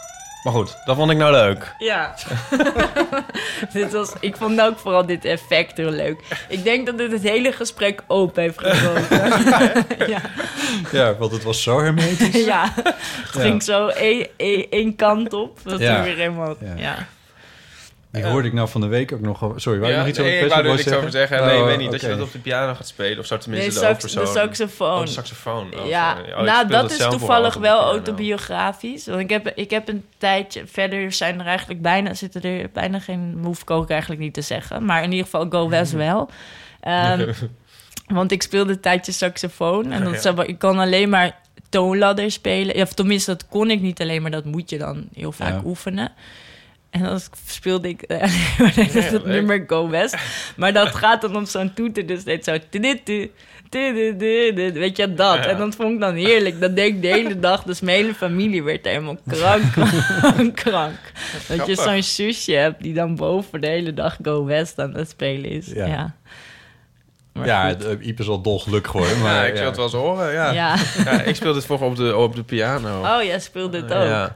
ja, ik had zo'n... eh, Het is een heel typisch akkoordenschema, hè, wat achterover Het is Het is heel makkelijk, hè? ja, nou, het is, ja, ik ben overigens niet zo goed op pianospeler, maar het is het schijnt dus, maar nee, ik bedoel, want ik ken het van de Pet Shop Boys, maar het is een cover van The Village People, maar, maar het is eh, hetzelfde akkoordenschema als het lijkt eigenlijk als twee druppels water op het Russische volkslied. Oh ja. En I Ja. Survive. Hebben, ze, hebben die Russen dan niet de... de, de, de, de, is het nou van de... Het is dus van The Village People, maar Hebben het is, ze niet aangeklaagd? Dat je Nee, zo, ja, dat- eh, dat- dat- dit is dat- plagiaat. Het kan, denk ik. Ik weet niet of, hoe dat zit met volksliederen. Maar de Pet Shop Boys toen die, dat- die er een hit mee hadden in 1993... toen was het dus ook heel populair in eh, Rusland. Het was voor hun een heel grote hit in, in Rusland. Ja, het is ook eigenlijk best toch... Ik had het lang niet ge- geluisterd. En ik ging dus, omdat ik dit in, opschreef... dacht ik, ik ga dat nummer eens luisteren. En het is best wel een goed nummer. Het is heel... Ja, Ja, ja. ja misschien Oh, zeg ja. ik nu iets. Zal ik erover uitweiden? Ja, doe Ja, maar. ja. Nou ja, ik vind het zo tof Knip dat... ehm, want de, de cover van Pet Boys is uit Knip het er 1993. wel uit, dit hele Pet Boys verhaal. Hey, hoe, ik heb dit al vaker heb ik hierover eh georeerd, Het idee van de Pet Boys was eigenlijk van... eh, het, het, omdat het, het eerst was het de hit in de jaren 70 En toen was het, ging het over de, de gay droom van naar de West Coast verhuizen... waar alles kon, zeg maar. En, en toen zij het uitbrachten was het op een soort hoogtepunt van de AIDS-epidemie. En toen wa- wa- was die droom een soort aan diggelen natuurlijk. Het was helemaal Ja. vreselijk. En er was een soort, dus een soort heel bitterzoet... eh ehm, ja, een soort ah, bitterzoet en eh, of eh, ja, ironisch. Maar toen was of, het wel eh, opnieuw een hit. ja. Ook al was het bitterzoet. Ja, ja. Ja, maar ik bedoel, mensen hadden dat helemaal niet door. Die dachten van ja, een soort, dom, een soort dom nummer van een cover van The Village People. Mhm. Maar het is altijd een beetje een soort de dubbele bodem. Maar het werd ook helemaal heel vaak in stadions en zo wordt het nu gezongen en zo. En ik bedoel, mensen weten dat helemaal niet. Die nemen, Nee, ik die wist halen dat ook niet niet, uit moet ik erbij zeggen. Dat is misschien Nee. erg. Maar, Maar het klinkt ook in hun versie altijd een beetje... omdat alles wat, wat, wat Neil Tennant dan zingt... klinkt altijd een beetje droevig. Dus dat vind ik ook mooi eraan. Het is een heel upbeat, vrolijk nummer... maar je hoort dat droevige toontje of zo in hun versie. maar vertel jij dan iedere keer opnieuw? Want Botte Dit zegt, vertel ik ja, je gewoon hebt iedere dit keer, wel ja. verteld. Dit vertel ik gewoon iedere keer. Over Go Best. Ja. Ja. Dat lijkt me wel leuk. Gewoon een neverending loop. Iedere aflevering Ja. opnieuw. Ik zou je wat Hetzelfde vertellen. verhaal Ja. over Go West. Ja. Ja. Gek genoeg weet Ipe al, al eh, 86 afleveringen lang iedere keer iets anders te vertellen over de Pet Shop Boys. Ja. Nu kan ik jou trouwens nog iets vertellen over de Pet Shop Nee. Boys. Want, eh, nou, niet, ja, dit- niet, niet dingen die je niet weet, althans. Het eh, gaat ook overigens... Ik wil er nog één ding over zeggen dan. Oh. Want op, het is de laatste track op Ferry. Er staan nog andere liedjes eh, over, over, over AIDS op ook trouwens. Maar dan, het is een soort hidden track zit er aan vast. En is dan twee minuten stilte. En dan is er een heel kort liedje van een minuut. En dat zingt Chris. En dat is een eh, ode aan een overleden vriend. Oh, Ja, oh, heel zielig. aan aids overleden. Ja, Oh nee. Ja. postscript. Maar, maar dit is misschien een beetje een impertinente vraag. Maar zijn jullie bang voor AIDS? Dat, leeft dat nog? A- AIDS? Ja. Ja, ja. Dat, ja dat, ik bedoel, ik weet wel dat het leeft. Want eh mijn ex-vriendin werkt bij COC. Maar is, is er nog angst ook? Ja, Ja, ja, ja. ja, bij mij wel. ja. En dat heeft ook te maken met dat ik opgroeide in een periode dat je er gewoon nog dood aan ging. ja. Ehm, kijk, nu is er natuurlijk, er zijn natuurlijk een paar dingen veranderd. Om te beginnen kreeg je halverwege eind jaren 90. Wat was het? 96, 97, 96 volgens mij kreeg je die pillencocktail waarmee het virus onderdrukt werd. Dus ja, toen was je het. gaat er niet meer dood. Nee, veranderde het van een, van een dodelijke ziekte in een chronische ziekte. Mhm. Eh, nu heb je ook eh, PrEP, wat sommigen gebruiken, waarmee. ehm, eh, is dat dan zo... Sorry dat ik je onderbreek, want PrEP is dan toch... Ik noem maar wat, als ik AIDS heb... Of, of tenminste, dat kan, ik heb dan geen AIDS, HIV maar HIV. het, ja, ja. inderdaad. Ehm, eh, en ik ga seks hebben met jou... Dan zeg ik, wacht, wacht, ik heb HIV. Ja, ik noem dat het gewoon hi- HIV. Maar ik heb HIV en dan... zeg je, ja, oké, prima, dan neem ik een PrEP. Ja, dan komt en dan kan je seks hebben zonder dat jij het krijgt. Ja, ik, ik weet niet of je ter plekke of dat wel. het verstandig is dat je dat iets eerder doet dan, eh, dan eh, ter plekke. Maar Ja. ehm, dat lijkt me bijna. Ik ben geen expert, Nee. maar dat is het idee. Dat Ja, het je beschermt tegen. Ehm, Linda Duits vergelijkt het regelmatig met de, de, de pil, de anticonceptiepil. Maar dat is eigenlijk ook, denk ik, een beetje gevaar, toch gevaarlijk. Want dan denk je gewoon, oh, oké, prima. Dan ga ik seks hebben met iemand die ziek is. En natuurlijk gun ik iedereen die die ziekte heeft alsnog seks. Maar het is toch ook wel misschien een beetje zo iets ignorance of zo. Heeft Ehm, of is het, zeg, ja, zie ik dat ik- verkeerd? Nou, nee, ik, ik moet denk ik even iets zeggen over... Jij zegt mensen die ziek zijn, want dat ja, is... HIV. Maar dan ja. heb je toch de, de, Nou ja, het dat is- virus. Je bent in zekere zin wel patiënt. Alleen eh, dat virus, dat wordt dus door, die, eh, door medicatie tegen HIV... wordt dat virus zo ver onderdrukt... Mhm. eh, dat ze, dat noemen ze dan undetectable. Wat ik een heel vreemde term vind, maar zo heet dat dan in ieder geval. Mhm. Maar goed, dan heb je wel HIV. Dus in die zin ben je ziek, maar zo zouden ze zichzelf niet identificeren. Nee, maar dat vind, daar ben ik ook Maar heel blij voor, voor alle mensen. Maar ik bedoel meer Ja. hoe dat dan Ehm, gaat met dat prep, met Ja, prep. eh, ik, ik, ik, ik denk ook iets langs die lijnen volgens mij. Tenminste, ik voel niet de behoefte om eh PrEP te gaan gebruiken... omdat ik eh, niet zoveel zin heb om een medicijn te slikken tegen iets wat ik niet heb. Nee, of tegen iets wat je ook... Ja, precies. Ehm, en daar moet ik bij zeggen dat ik ook niet iemand ben... die wat dat betreft veel risico loopt op het Nee. te krijgen. Nee, Ehm, door diverse dingen waar ik nu even niet in wil treden. nee Maar dat hoeft dat- ook helemaal niet. Nee, Nee. maar dat, dat is het wel een belangrijke. Ik denk, ik denk dat het wel belangrijk is dat je moet weten wat je doet. Als je iemand bent die het fijn vindt om veel te feesten, naar seksfeesten te gaan bijvoorbeeld, Mhm. dan moet je ook weten dat je dat doet. En dan is het op zo'n moment niet een slecht idee om je van tevoren eh, jezelf in bescherming te nemen tegen. En daar is PrEP natuurlijk wel weer heel geschikt voor. Ja, ja. Voor mij is het niet geschikt. Dus ik, Nee. ik moet het niet. maar- Nee, ik bedoel ook niet. Nee, maar ik vroeg me gewoon... Ja, dit wordt loopt helemaal uit de hand. Ja, nee, niet. Het is wel goed om Nee, maar ik vind het gewoon interessant. Ja, van, want, eh, want ik ben er zelf ook bang voor. Ik ben, dat, en dat komt denk ik toch door... Voor HIV bedoel je? Ja, ik ben eigenlijk altijd best wel bang voor allemaal... Ja, misschien is het dan van... Oh, maar waarom ben je daar bang voor? Maar misschien heeft dat dan ook iets te maken met... Al die beelden die je dan... Toch misschien ook met een soort homoseksualiteit. Ja, ik ben gewoon... Ik ben een vrouw, dus het is niet... Het is wel weer anders, maar ik bedoel toch alsof er een soort... Alsof dat één op één staat met die ziekte of zo. Ik weet niet, maar ik ben er heel onredelijk bang voor. Ja, nou, Ik was bijvoorbeeld laatst naar de dokter voor een test. En toen zei ik, ja, ik wil een HIV-test. En toen zei hij van, oké, ben je met, heb je met een risicogroep, ben je daarmee naar bed geweest? Ik zei, nou, nee, met een vrouw. Ik ben nu met een vrouw en ik wil gewoon even dat het oké is voor Ja. ons allebei. En toen zei hij van, ja, oké, maar dan hoef je wel echt geen HIV-test. Dan moet je echt je best doen, zei hij. Om... toen voelde Ja. ik me nog een beetje beledigd. ja, ja, nou, er zit ergens ook wel een geruststelling Nee, in. nee, natuurlijk, tuurlijk, maar- tuurlijk. Dat is een grapje. Want. Maar ik bedoel dat je dan dat er toch denk ik ook iets dat het stom genoeg. En dat vind ik best erg om te zeggen, maar nog steeds ergens ook in de lijn van schaamte of zo. Zeg maar, er zit. Nou ja, ik, ik kan je een voorbeeldje eh, geven van... Ik kreeg vanmiddag een, eh, een, een ehm, hoe heet zoiets? Een, eh, een persberichtje volgens mij van, van Wink... Mhm. waar Gaykrant nu ook achter zit. En er stond... Ik scroll het heel snel, ik had geen tijd, het was gewoon een nieuwsbrief. Dus ik denk, ik sleep me zo wel naar een mapje ooit nog eens een keer bekijken... of god knows what. Mhm. En eh, daar stond... Heel snel stond daar een foto van een leuk jonge man... en er stond iets met positief achter. Ja, En meteen flitst in mijn hoofd siroop. HIV. Ja, ja. En, ehm, en, ik, en ik dacht, oh, en toen keek ik ernaar en toen was hij gewoon heel positief over iets. Dat kan natuurlijk ook nog Zo gewoon. leuk. Maar toen dacht ik, oh, wat ja, zegt dit is dit? een heel positief. Ook leuk als Ja. dat bij je foto staat. Ja. Dit is een En zeer toen, positief toen dacht ik, oh, wat is het, hoe, hoe werkt dit dus in mijn hoofd? Ja, ja, ja. Dat is toch wel erg. En toen dacht ik, ja, dat is niet alleen mijn hoofd natuurlijk. Het zal Nee. bij heel veel mensen zal die... eh, Ik vond het grappig in jouw boek. Je hebt een opsomming van dingen waar je bang voor, voor bent. Of Ja. en dan zeg ik weer je, maar... Ja, maar dat mag Ja, je ja. zeggen hoor. Maar het is inderdaad de hoofdpersoon Ja, heet... Ik zal het even zeggen, die net- heet ja. Ted. Ja. Dat is wel een vrouw. Ja. Ja, Ja. Ted. Ja. mijn kapper heet Ted. Oh, Ik nou, je zei ja. net zelf ook dat je voor alles bang bent, ehm, zeg maar, oh, hè, hier aan Ja. tafel. Ja, maar ik heb daar ook een beetje last van, geloof ik. Heb jij dat ook, Bot? Ben je ook Ik- voor alles bang? Nou, voor alles is wel veel, maar... maar Jullie hebben wel allebei een rijbewijs. Ja, dat hebben Ja, we. precies. dus dat, Maar eh, Een lekkere link tussen angst en Heb wat je, ook een toch, rijbewijs? en wat je toch hebt. Je bent Ik heb- bang, maar je hebt fucking wel een rijbewijs. dus dan Ja. zou je niet Hoe mee. krijg je het voor Ik ben banger. Ik Ja. ben bang. Nee, ik ben bezig met een fotoroman. En dan heb ik dus ook, heb ik ook, ik zeg het nu maar even on the record, dat je niet straks denkt, hé, hey, dat heeft hij van mij gehad. Denk ik Heb niet, ik dus- want iedereen... Heb ik het ook, heb ik het ook een hele opzomming. Ja, maar iedereen, heel veel ook mensen zijn ook voor? gewoon bang, toch? Ja. Het is ook best wel, ja, het is, ja, het is waarom zou je ook niet bang zijn? Ja. Ook waarom zou je wel bang zijn? Dat- werkt twee kanten op. Ja. Maar ja, er zijn best wel veel dingen gewoon, als je erover nadenkt, heel eng. Gewoon mens, ja. menselijk komt, wat je allemaal kan verliezen en wat er allemaal is en wat er niet is, wat je bedenkt of niet.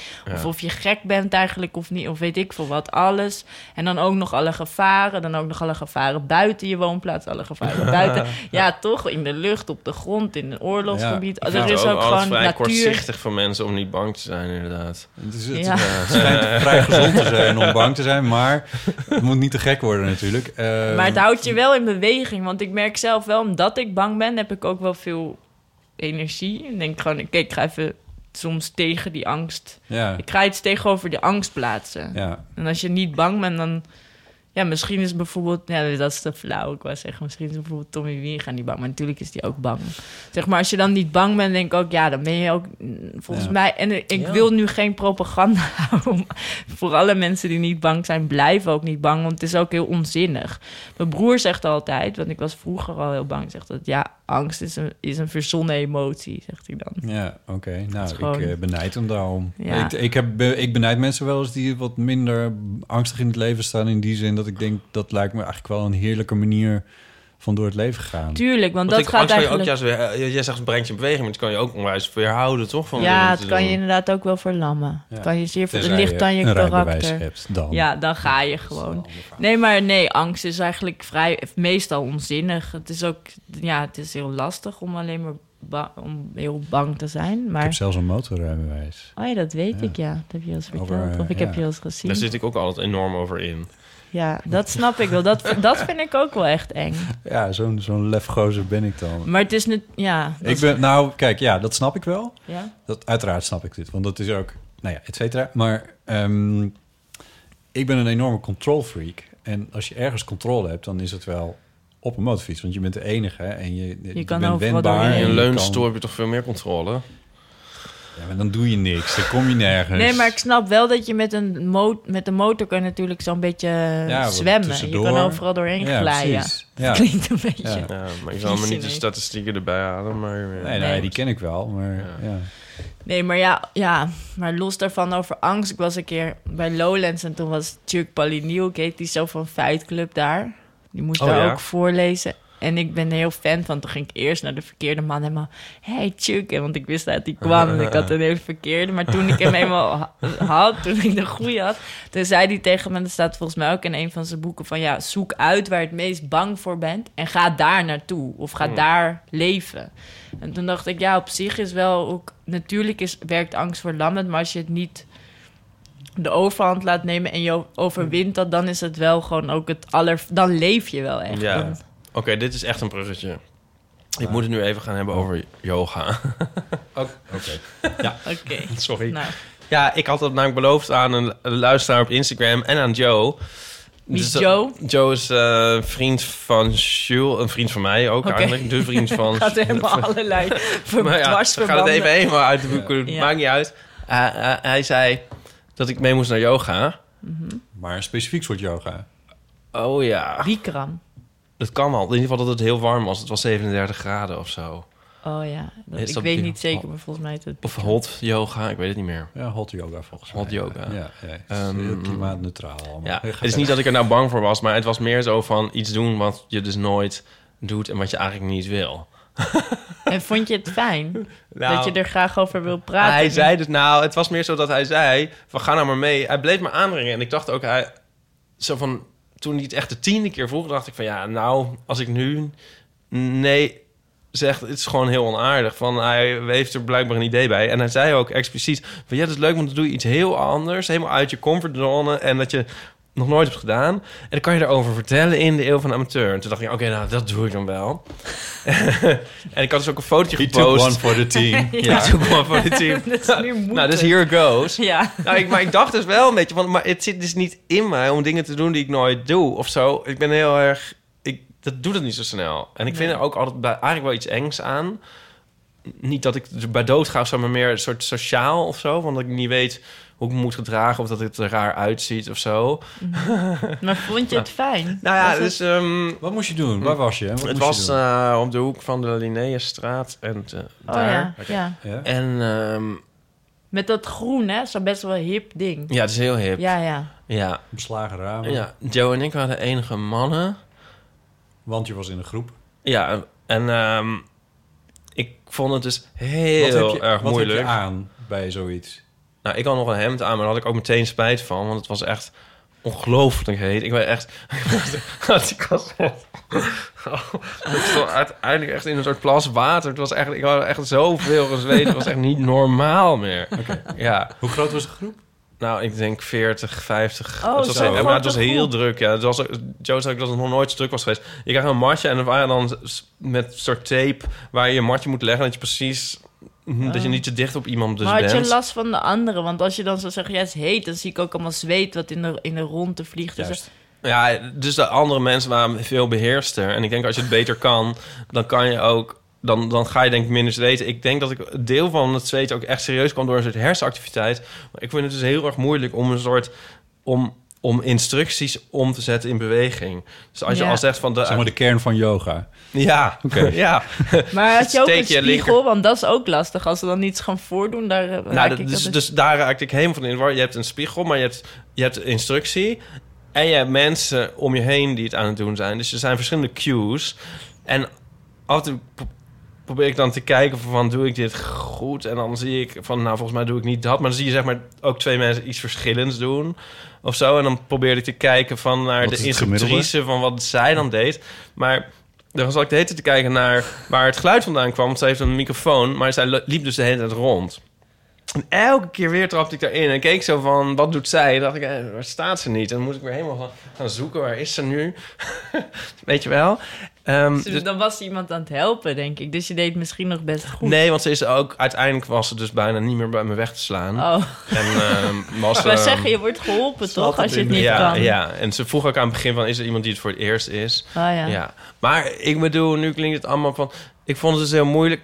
Kijk, wat ik jammer vond, was dat door... Volgens mij, ik probeerde dus maar de, de, de kern ervan te pakken. Maar dat kan misschien niet in één keer. Maar ik, ik was zo bezig met het goed doen en, en te proberen de houdingen... dat ik dat het, zeg maar van enige soort rust of meditatie of wat dan ook... Geen sprake Nee. was. Nee, gewoon helemaal opgefokt kwam je daar vandaan. Een beetje. Maar zou je nog een keer gaan? Nou ja, ik, wat het dat is daardoor ook dacht was van... als ik het wel beter wil kunnen... dan moet ik er gewoon echt best wel veel tijd in steken... en het echt heel veel doen. En ik, ik sluit niet uit dat ik het dan ook nog wel leuk... zou- eh, Ik denk, het- ik denk het dus niet eigenlijk. Ik bedoel, nog één keer heeft geen zin. Dan moet ik het ook echt... Dan maar moet ik ik, ben er ook wel echt trots op je, ook al 20 ken ik je helemaal Bedankt. niet echt eigenlijk. Maar dat je het dan toch gedaan hebt. Want dat Ja. is het dan toch. Nu weet je van ja, ik wil eigenlijk niet nog een keer. Omdat je Ja. het gewoon ook niet fijn vond. Maar Ja. als het nou heel leuk was, Ja. dan kon je... Ja, Ja, maar ik dacht wel van ook van in die zin ben ik wel milder, want ik denk dat ik vroeger ook dus het uit ook een soort angst dan misschien ook alleen maar belachelijk zou hebben gemaakt of zo. En ik zag dus ook wel heel duidelijk, want daar probeer ik dan ook nog een beetje op te letten, van mensen daar heel veel of heel veel. Maar ik, bedoel, ik had in ieder geval de indruk dat mensen... ik neem aan dat het niet één groot toneelstuk was voor mij. Dat mensen dus daar... eh, ja, ik weet het ontspannen woord, van woord werden. niet. Ja, ontspannen. Ja, er iets aan hadden of zo. Dat, Ja. dat, dat was wel duidelijk eigenlijk gewoon. ja. Dus in die zin benijd ik dat ook wel. En ik zou ook wel willen, iets meer willen weten. Het komt ook in je boek voor, volgens mij. Zeg je het, Tijdjam? Van, eh, hoe, het vat heel veel te weten over het lichaam. Zo, en Mhm. hoe, ook je eigen lichaam. En ehm, het heeft natuurlijk ook te maken met in nu leven. En ik zou daar ook wel meer van willen weten. Maar ik weet niet of dit de weg is. Ja, de hoofdpersoon Ja. die wil fysiotherapeut worden. Of wat is het? Ja, Ja, maar het is inderdaad zo. Ik snap wel dat je dan soms een weg zoekt om in je lichaam of zo Ja. te zitten. Want ook dat is soms, ja, dat begint, daar begint het boek ook mee van hoe, wie ben je dan in het leven, zo'n soort van soort Ja. vlek. En een keer, ik had dan, ik zat, ik was een tijdje, sprak ik met een psycholoog ongeveer wie niet, maar die zei tegen mij ook van ja, je bent helemaal Mhm. nooit op de plek waar je hoort te zijn of zo. Want Ja. ik zei bijvoorbeeld na een jaar tegen haar: Oh, heb je een nieuwe roze stoel? En zei ze: Ik zit altijd al in deze roze stoel. Zie je dit nu pas? En toen zei ze: Van ja, dat komt omdat jij echt veel later aankomt op een plek. Dan ja, dat Oh. klinkt ook weer een soort. En toen gaf ze me als makes sense. Ja. bedoel, dit herken ik. ja, Ja. ja. en dus zij gaf best wel een lieve tip. Of een goede tip, maar dat klinkt ook... Maar die, zij zei dan, ja, misschien moet je iets... Moet je een gummetje of een nootje... Dus heel soms heb ik dan zo'n nootje, wat een beetje onzinnig is... maar ik was daar ook grapjes over aan het maken met Jeroen... dat je dan een nootje ergens naartoe kon brengen... en dan zo van, nou, het nootje is er... Dus dan kom je achter het Achter nootje, het nootje aan. aan. En dan ben je er ook. Omdat heel vaak als ik mezelf naar een plek ga brengen... denk ik, wat moet ik daar doen? Wat zou ik daar zeggen? Hoe zou ik overkomen? Eh, hoe maak ik contact? Hoe val ik niet om? Hoe dit en dat, zeg maar. Mm. En dan ben je er helemaal niet, omdat er dan gewoon is van... dat je helemaal niet even contact maakt van... nou, nu zijn we aan het praten en dat is prima. Ja. En dan Dat- ben je Dat terug... is gewoon een geniale tip. Ja. Ja, en dan ben je Ja. terug thuis en dan denk je, waar de fuck was ik? Ja, en was- dan wat- wat is heb dus- je niks gezien, niks gehoord. En dan ben je ook nog eens heel zorgen aan het maken over hoe jij dan in godsnaam overkwam. Ja. Terwijl als je dan gewoon zegt, ik breng even dit, dan is dat een beetje je taak of zo. Dan denk je, ja, Ja. prima, ik heb dit hierheen gebracht en dan ben je er zo. Ja. Oh, mooi. Dit is echt heel mooi. Ja. Ja. Ja. Heb jij dan ook... Hoe, hoe, hoe ben jij met je telefoon? Eh, nou, ik heb een. eh, ik heb. Ja, dit is ook. Ik heb een oude Nokia. Daarmee bel ik en sms'en. Mag ja. ik het zo zeggen? Ja, over de avonden zeker. Ja, want ik vond het toen heel tof om jou te ontmoeten. Hè? Eh, en ik dacht van, oh, dit is echt gaaf. Nu wil ik je toevoegen op Facebook. En jij was, dankzij dat ehm, project van de VPRO... Ja. De titel wil me niet te binnen schieten. Ja, het heette eh, Kamer in het de Verleden. Kamer in het Verleden. Ja, Ja, dat was het. In aanleiding, toen jij terugkwam, toen zei jij... Ja, ik ben dus, eh, ik ben dus van Facebook afgegaan. Ja. Of tenminste, je had dan toen tien dagen... of dat is een week zonder Facebook geleefd... en dat vond je eigenlijk wel prima. Ja. En toen heb, ben je er maar helemaal van afgegaan. Klopt. Ja, kut. Ja, dat was in 2010 of zo, ja. Ja. En, ik, en ik heb dus een oude Nokia, want wat ik dacht dat je ging zeggen is dat ik ook in, in ik had dat avonden was live ook en dan belde Jeroen mij op Ja. en dan moest ik een verhaal voorlezen. Maar ik had zo'n zo'n bejaarde telefoon, zo'n heel oud ding en die viel de hele tijd uit. Dus die viel live in de uitzending. Ik was gewoon midden in mijn verhaal en die viel uit. En toen belde ik helemaal in de stress de VPRO op van ja, ik moet nu live in de uitzending. Maar dan krijg je natuurlijk zo iemand van de receptie aan de telefoon die Ja. zei ja mevrouw, Ja. dat willen we allemaal. En toen was die hele uitzending naar de kloten. Door mijn telefoon. ja. Maar... eh, Volgens mij hebben we het er op de redactie toen nog over gehad. Moeten we Maartje niet een nieuwe telefoon geven? ja, ja, dat is nu ook. Want soms, ja, dat is nu weer... Maar ik spreek ook van die verhaaltjes in soms bij ehm, Nooit meer slapen. Dat is dan de opvolger van Ja. eh, de avond. En eh, daar hebben ze ook gezegd... Ja, kan je niet een soort app installeren... dat je iets beter te horen bent? Want je hoort mij echt nog zo...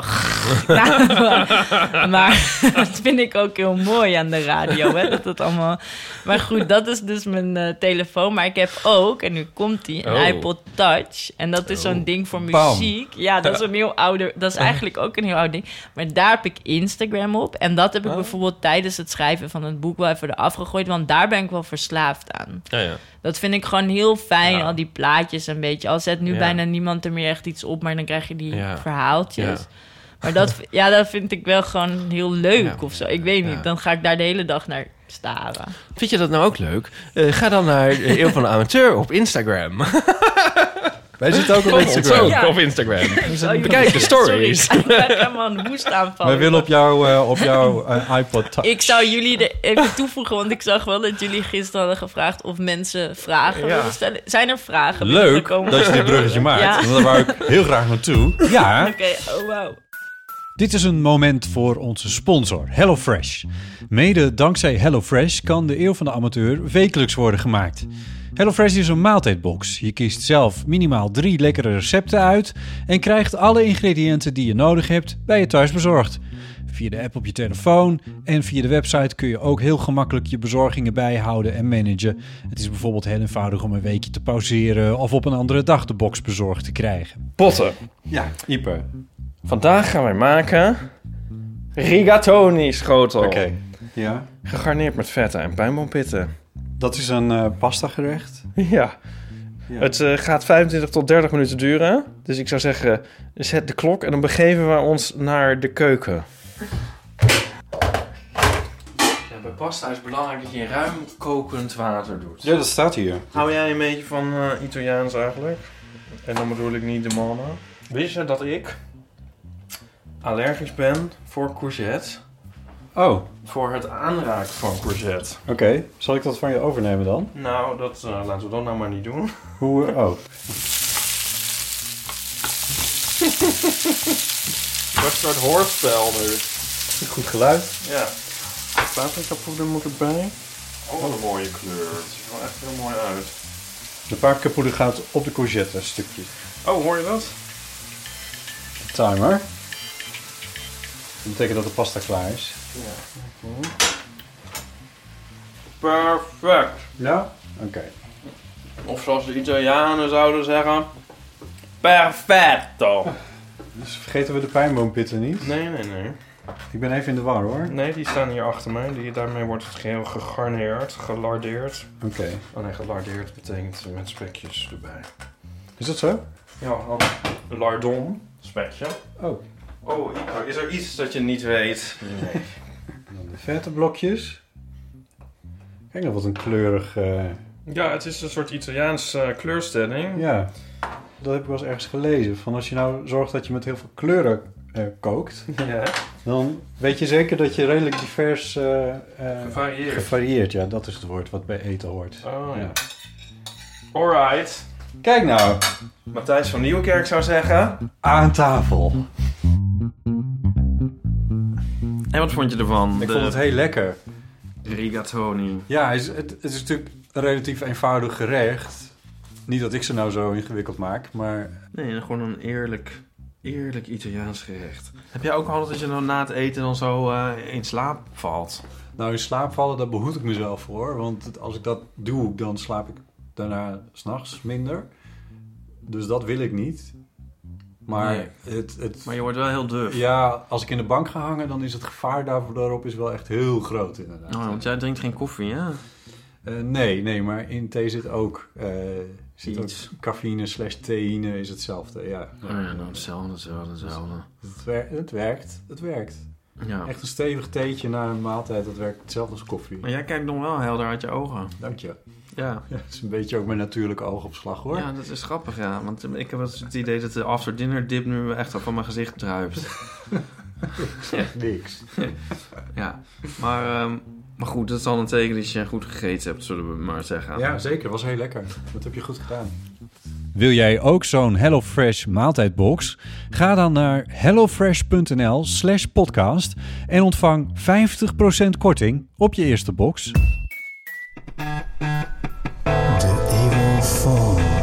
06 1990 68 71. Freke heeft een bericht ingesproken. Hey, lieve Botte, Ipe en Maartje, waar ik stiekem onwijs fan van ben. Ik zit eigenlijk al een tijdje met een kwestie die niet over mij gaat, maar eigenlijk over mijn zus. Mijn zus is nu 22 jaar oud en zit al even klaar met haar studie. Ze werkt nu met kinderen uit probleemgezinnen, maar heeft het nu eigenlijk al wel met haar baan gehad. Haar studie pedagogiek vond ze wel onwijs leuk, maar na twee jaar werk heeft het idee dat er veel meer dingen zijn in het leven om energie uit te halen dan uit haar werk. Het werk waar ze eigenlijk op uit is gekeken. Echter, ze durft de stap niet te zetten om te stoppen en aan iets nieuws te beginnen. Naar mijn idee zou ze graag iets creatiefs doen of juist een totaal andere richting opgaan en dus opnieuw studeren. Maar ze blijft zichzelf enorm tegenhouden omdat ze alleen denkt aan de nadelen die een nieuwe stap maken heeft. Wat nou als ze minder gaat verdienen, als ze de huur niet meer kan betalen, als een nieuwe stap toch niet leuk blijft te zijn. En daardoor blijft ze zich enorm tegenhouden om in mogelijkheden te denken. En het, bijvoorbeeld het voordeel te zien van de vrijheid om een nieuwe keuze te maken. En eh, energie te krijgen door risico's te nemen. Of juist door een nieuwe studie nieuwe kennis te vergaren. En helaas probeer ik er goed op haar in te praten dat een nieuwe stap eigenlijk altijd positief is. Want er is een reden dat je een nieuwe stap neemt. Maar ik kan haar niet overtuigen om deze stap te zetten. Omdat ik ook niet uit ervaring kan spreken. Ik ben zelf nog maar 20 jaar en ik ben nog maar een jaartje bezig met mijn studie geschiedenis. Dus deze grote keuzes in het leven en de quarter-life crisis kan ik gelukkig nog ver van me uitschuiven.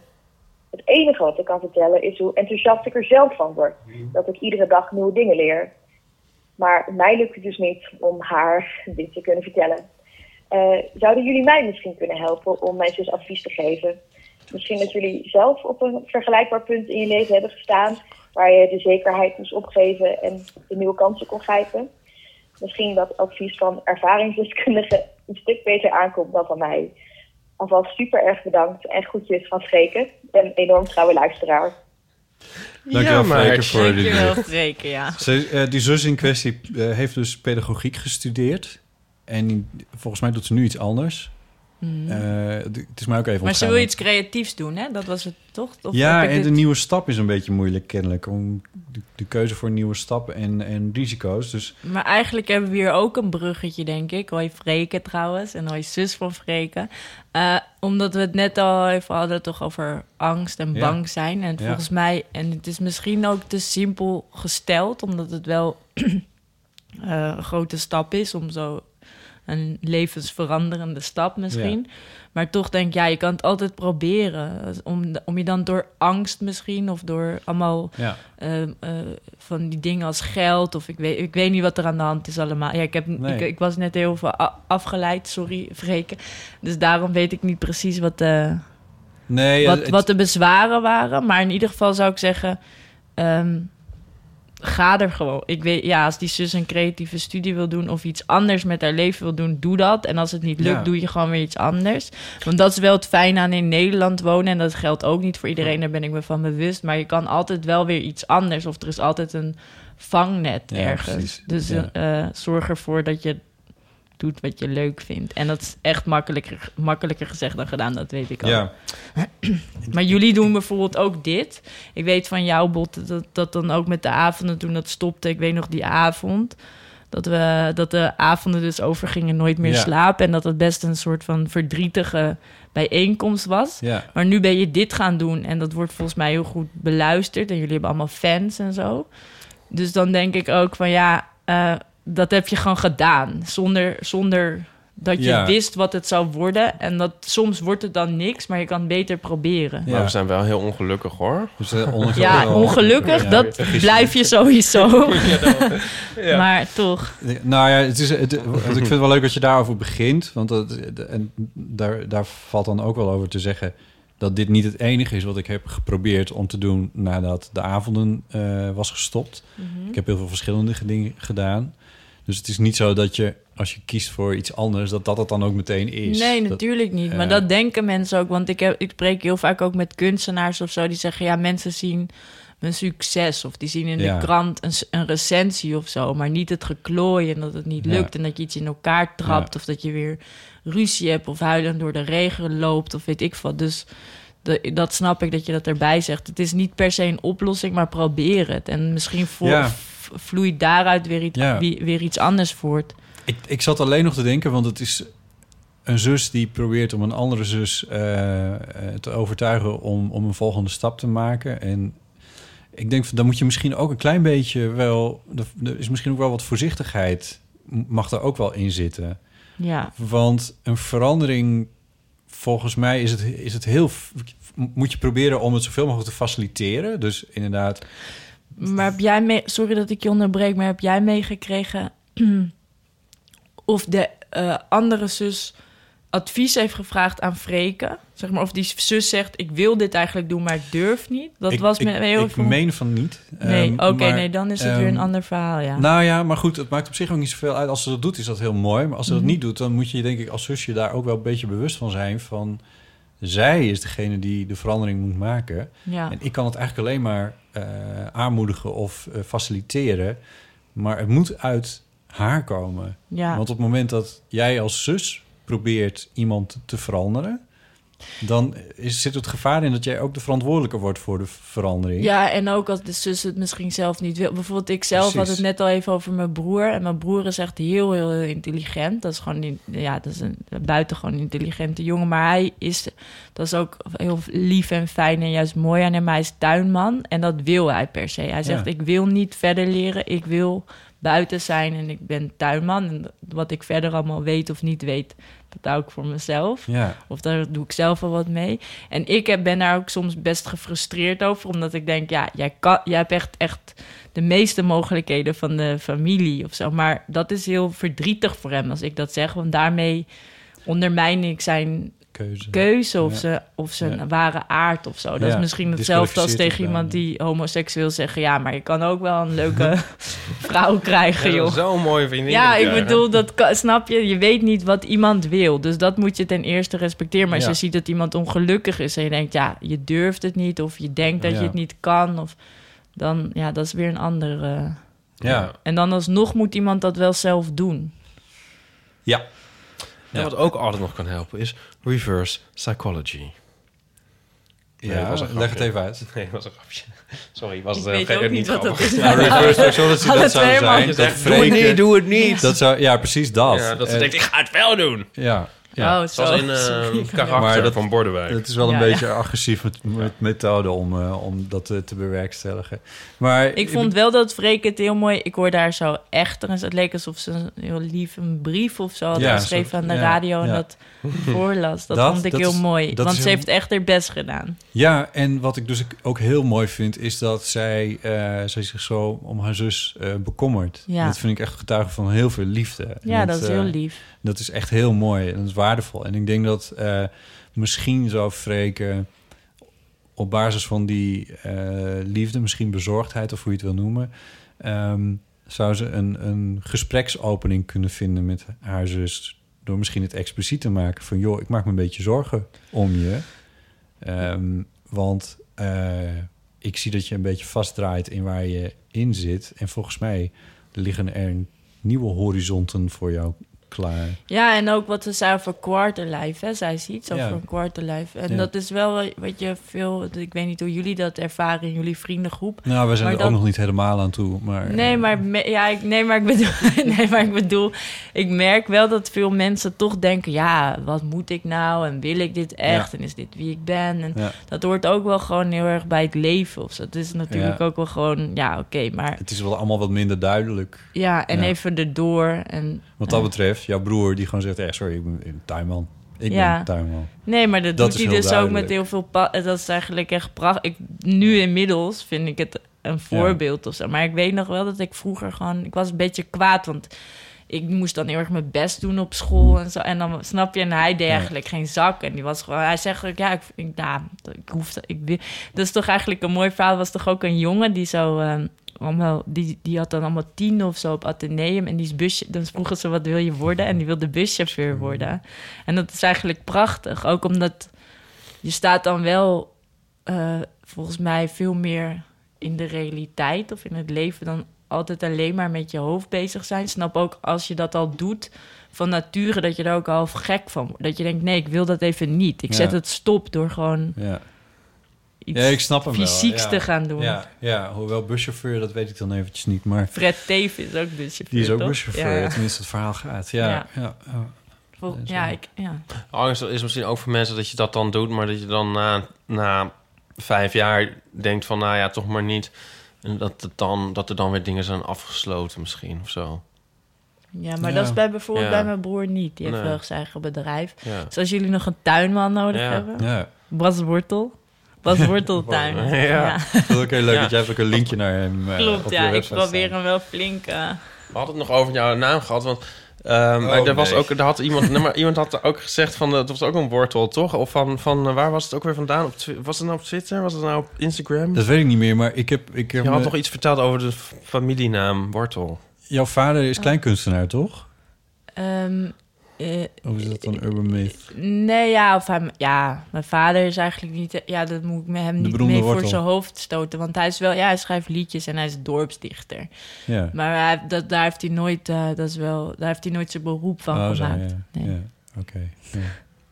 Ben je nou aan het googlen? Ja. ja. Dat schiet niet op, hè, als je dat eh, tijdens de opname doet. Waarom denk je dat ik een draaiboek schrijf? eh, Ja, ik heb je zeggen, het niet in je je draaiboek? ziet hier wel een Neem jij je verschil tijd in, eh, even? Ja. Dan eh, gaan wij Ik even heb luisteren. alleen maar berichten Naar van de volgende Linda Thuis. vraag. Is er een vraag? Er is nog een vraag. Oh, hier, ik heb het, ik heb het, ik heb het. Oh. Oh. Nicole P. Het worteltje81 zegt... Hoi, ik heet echt ook Wortel van mijn achternaam. Ik ben voor zover ik weet geen familie van Maartje. Eh, de wortels van de familie Wortel liggen overigens op Terschelling. Oh ja, maar dat is interessant dat ze dat zegt. Want inderdaad, ja, volgens mij liggen mijn wortels dan niet op de Schelling. Maar de, het, er zijn wel heel veel graven op de Schelling. Als je daar naar, de, naar het kerkhof gaat, die heten allemaal wortel. Oh, Ja, dus dat klopt. ja dat klopt. Ja, ja, ja. oh, mooi. Zou ik leuk vinden dat hij loft ter Schelling wel. Maar goed. Ehm, wij kregen nog een berichtje binnen van Hanneke. Eh, en ik zeg er maar bij, ze is 16. Nou, ehm, hallo. Jullie spreken met Hanneke eh, uit Groningen. Twee dingen die ik wilde zeggen, want ik had nog een woord. Oh ja. Familiewoord. Ja. Namelijk eh, bij ons thuis. dat is nu al minder zo. Maar nou, we zijn met z'n vieren, vier kinderen. Twee zijn inmiddels uit huis. Alleen vroeger dan hadden we de afstandsbedieningen. Alleen dat vonden wij blijkbaar een heel erg moeilijk woord. Want mijn ouders die hadden daarvoor een soort van alternatief bedacht. En dat is zapstok. En ja, heel letterlijk Mooi. een stok om mee te zappen. Maar ehm, ik dacht dus altijd dat dat gewoon het normale woord was. En ik weet ook wel dat ik me dan af en toe versprak bij anderen thuis. En dan schaamde ik me daar heel erg voor. Maar eigenlijk is het natuurlijk best wel grappig. Inmiddels noemen we het allemaal eigenlijk gewoon afstandsbediening. En ehm, ik wilde nog iets delen. Oh ja, over een angstdroom. Want dat was niet per se een angstdroom. Maar eh, begin dit jaar, begin dit schooljaar, eh, moesten wij voor school de 4 mijl lopen. En nou ja, eh, Botte die heeft in Groningen gestudeerd. Dus die Ja. kent de 4 mijl wel. Dan loop je 7,5 kilo, 6,5 kilometer van Haren naar Groningen. En ik heb hem vorig jaar ook al gelopen, want ik vond het wel leuk. Maar ik ben helemaal niet sportief, dus kan het helemaal niet. Maar het is altijd gewoon een hele leuke sfeer. En ik weet nog dat ergens in de aanloop naar die week toe... had ik een droom dat ik de Female liep... en dat ik helemaal de route verkeerd had gelopen. En dat is gewoon onmogelijk, want er staat superveel publiek... en er zijn allemaal dranghekken, dat kan gewoon niet. Maar ik was beland in het Noorderplantsoen... en dat is zeg maar niet de bedoeling. En ik heb ook heel erg vaak dat ik eh, dingen droom... En dat ik dan de volgende dag wakker word. En dan heb ik heel erg het gevoel dat dat ook is gebeurd. En dat zijn soms dan wel positieve dingen, maar soms ook negatieve dingen. Dus dan word ik echt wakker met een rotgevoel. Of juist met het heel euforisch gevoel dat ik echt iets heb bereikt. En dat dat helemaal niet zo is. En nou, eh, ik ben een beetje langdradig. Dat is altijd wel zo. En ik praat ook een beetje snel. Dus ik hoop dat het een beetje te volgen was. En ik wil ook nog veel meer delen. Maar nou ja, anders dan wordt het, zo'n, wordt het nog veel langer. Dus eh, veel plezier. Ik luister ook met heel veel plezier. Doei doei. Dankjewel, Hanneke. Het is een leuk berichtje. Eh, familiewoorden zijn dingen waar we het in de Eeuw van de Amateur een paar keer... leg ik een maatje even aan jou uit. eh, Waar we het in de Eeuw van de Amateur nu een paar keer over hebben gehad. Woorden die in families, alleen in gezinnen bijvoorbeeld voorkomen. Eh, daar had zij dus eentje van. En angstdroom hadden we het ook over gehad. En volgens mij een angstdroom... Zij noemde het dan geen angstdroom, maar een droom die dan, waar je iets doet wat slecht afloopt... waar je dan nog aan, over aan nadenken bent... dat kun je volgens mij toch wel gewoon een angstdroom noemen, toch? Eh, ja? Ja. Je zegt een beetje ja, alsof je je verplicht voelt om ja te zeggen. Nee hoor, nee. Oh. Ik zit er te denken van... Ja, ik ken dat verschijnsel dat je je, je humeur uit je droom zeg maar, meeneemt de dag in. Ja. En eh, ik heb daar ook een strip over. Ik een jingle van maken. Ja. Maar soms dan eh, ben ik, heb ik een vreselijk gevoel of zo de hele dag. En dan zo aan het eind van de middag denk ik opeens van... Oh, wacht maar, ik heb iets dit en dat gedroomd. Iets heel, heel naars. En dan weet je eigenlijk waardoor het kwam dat je de hele dag rot voelde. En dan als je het weet, dan is het ook weg, zeg maar. Dan is het gevoel ook weg. Heb je het een plekje gegeven? Ja. En de euforische, de euforische variant ken ik denk ik niet. Omdat ik heel Dat dol is was of jammer. zo. ja. Maar, maar de, de andere wel. Laten we nog even luisteren naar Ja, iemand ik moet die- zo weg. Ja, oh. Ja. Laten we even Ik luisteren naar, Ja. Maar jij mag wel doorgaan. iemand die... eh, ja, hoeveel tijd hebben we dan nog? Tien minuten, kom maar op met die iemand. Absoluut. Iemand wiens naam ik niet helemaal kan verstaan, eh, maar die advies vraagt. Hallo, dit is Bibi. Ja, mijn dilemma is dus, voor eh, afgelopen zomer heb ik mijn bacheloropleiding afgerond en ik wil nu een masteropleiding doen. En eh, die heb ik eigenlijk al uitgekozen eh, en aangemeld, eh, namelijk aan de UvA.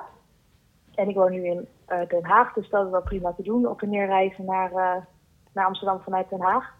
Want ik hoef daar niet per se te wonen. Eh, dus dat is eigenlijk perfect. Maar er is een eh, redelijk strenge toelatingsprocedure voor die master.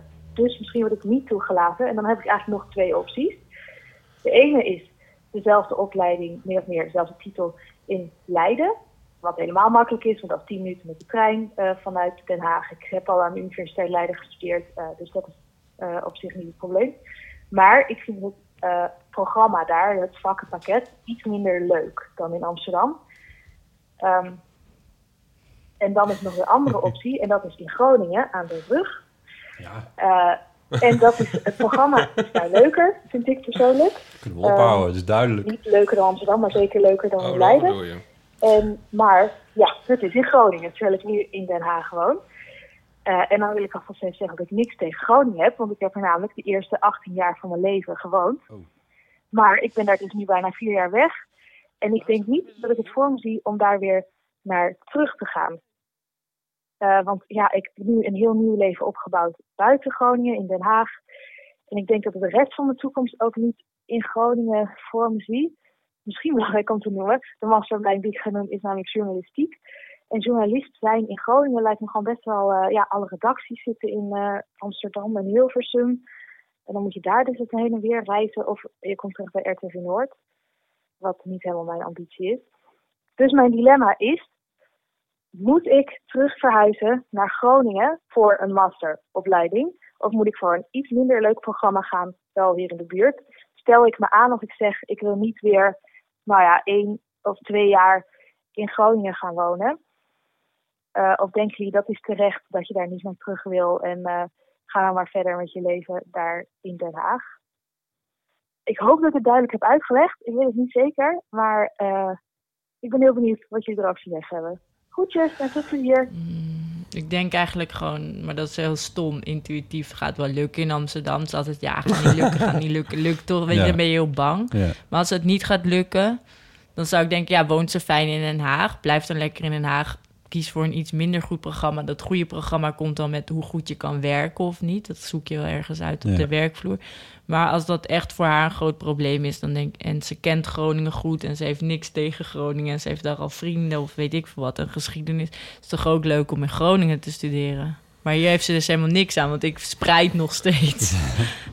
maar ik denk eigenlijk, dat is mijn ding... ik kom wel goed in Amsterdam. Want heel vaak zeggen die studies uit een soort... ja, niet denken dat dit zomaar Ja, lukt klopt, of zo. ja. En dan lukt het wel toch. En als het niet lukt, ja, dan... eh, Ja, ik wil iets vergelijkbaar zeggen in de zin van dat, maar dat is echt een enorme opgave aan haar. Denk hier niet over na totdat je het antwoord weet van Amsterdam. Ja, ja, ja. Precies, even afwachten wat Amsterdam doet. En dan gewoon toch, als je fijn woont in Den Haag, blijf lekker in Den Haag. Niet naar dat niet weggaan, Groningen. niet weggaan uit Den Haag Nou, voor een studie die dat waarvan je niet weet. Ik, zou, ik had in principe gezegd, ga naar Groningen, want dan ben je er even helemaal. Dat is echt even, dat is de fantastische stad om te studeren. Dan en ben dan ben je nou even heel uit. ergens anders. Maar ze heeft daar dus gewoond, dus dan vind ik het dan weer, dan vind ik het niet helemaal tellen. Het is toch een beetje zo- escape from Alcatraz... en dan van, dan zal ik dan nu eh, een baan in een gevangenis nemen. Jezus.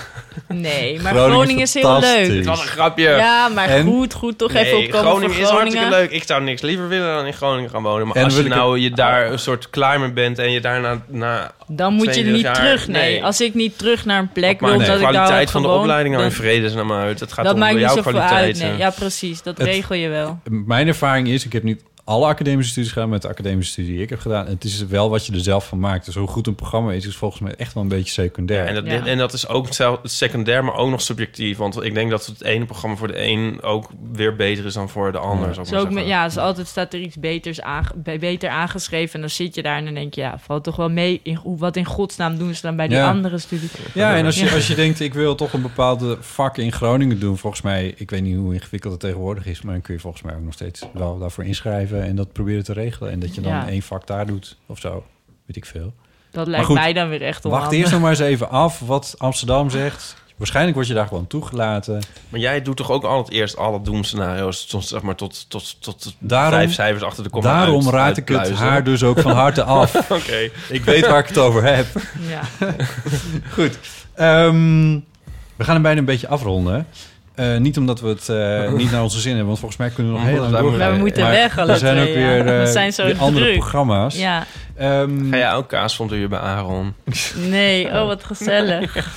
Ehm, Ipe, wil jij de iTunes recensies even doen? Oh, eh, ja. Ja. Oh, leuk. Wij, wij vragen mensen om eh, recensies achter te laten, zodat andere mensen ons beter kunnen vinden in iTunes. Door Wauw Visa, vijf sterren. Of nul sterren, dat kun je eigenlijk niet zien.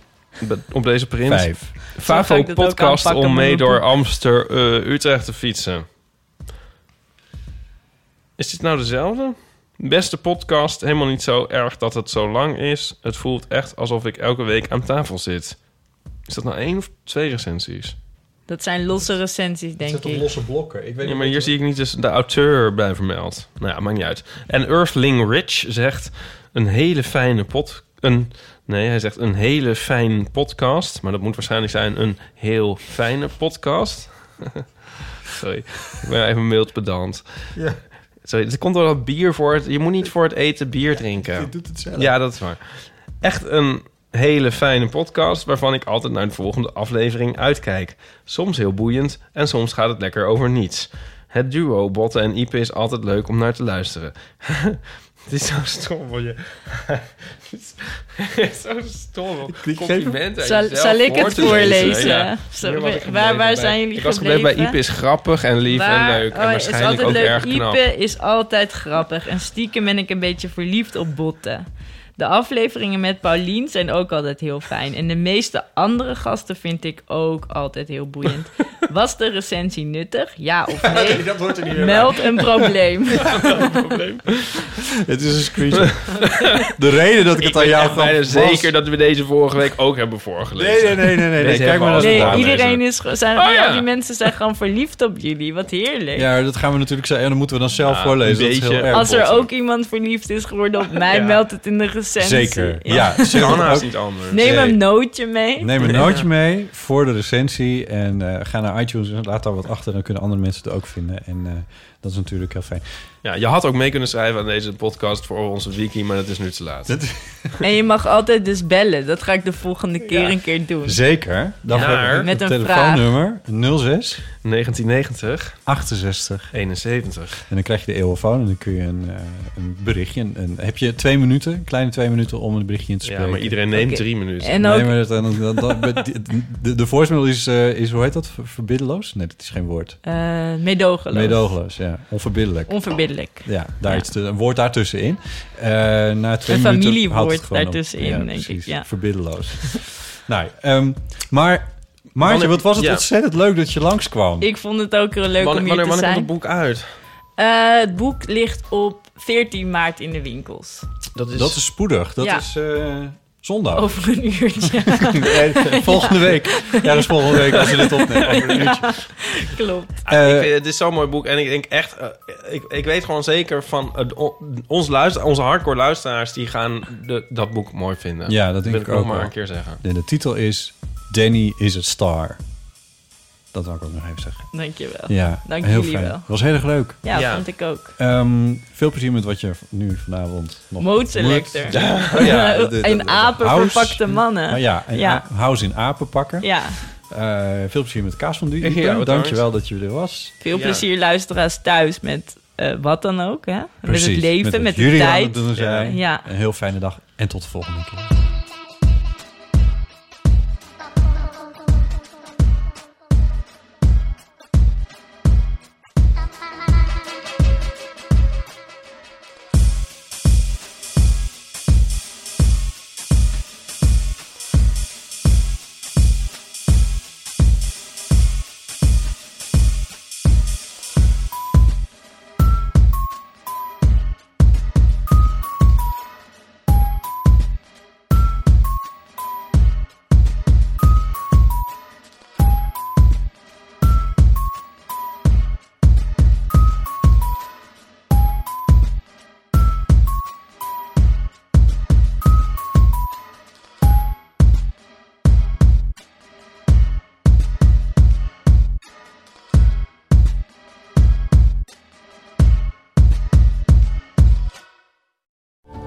Over die grootse en epische muziektheatervoorstelling. Het achtste leven voor Brilka is een marathonvoorstelling van 5 uur. Koop je tickets voor deze bijzondere theateravond via oostpol.nl.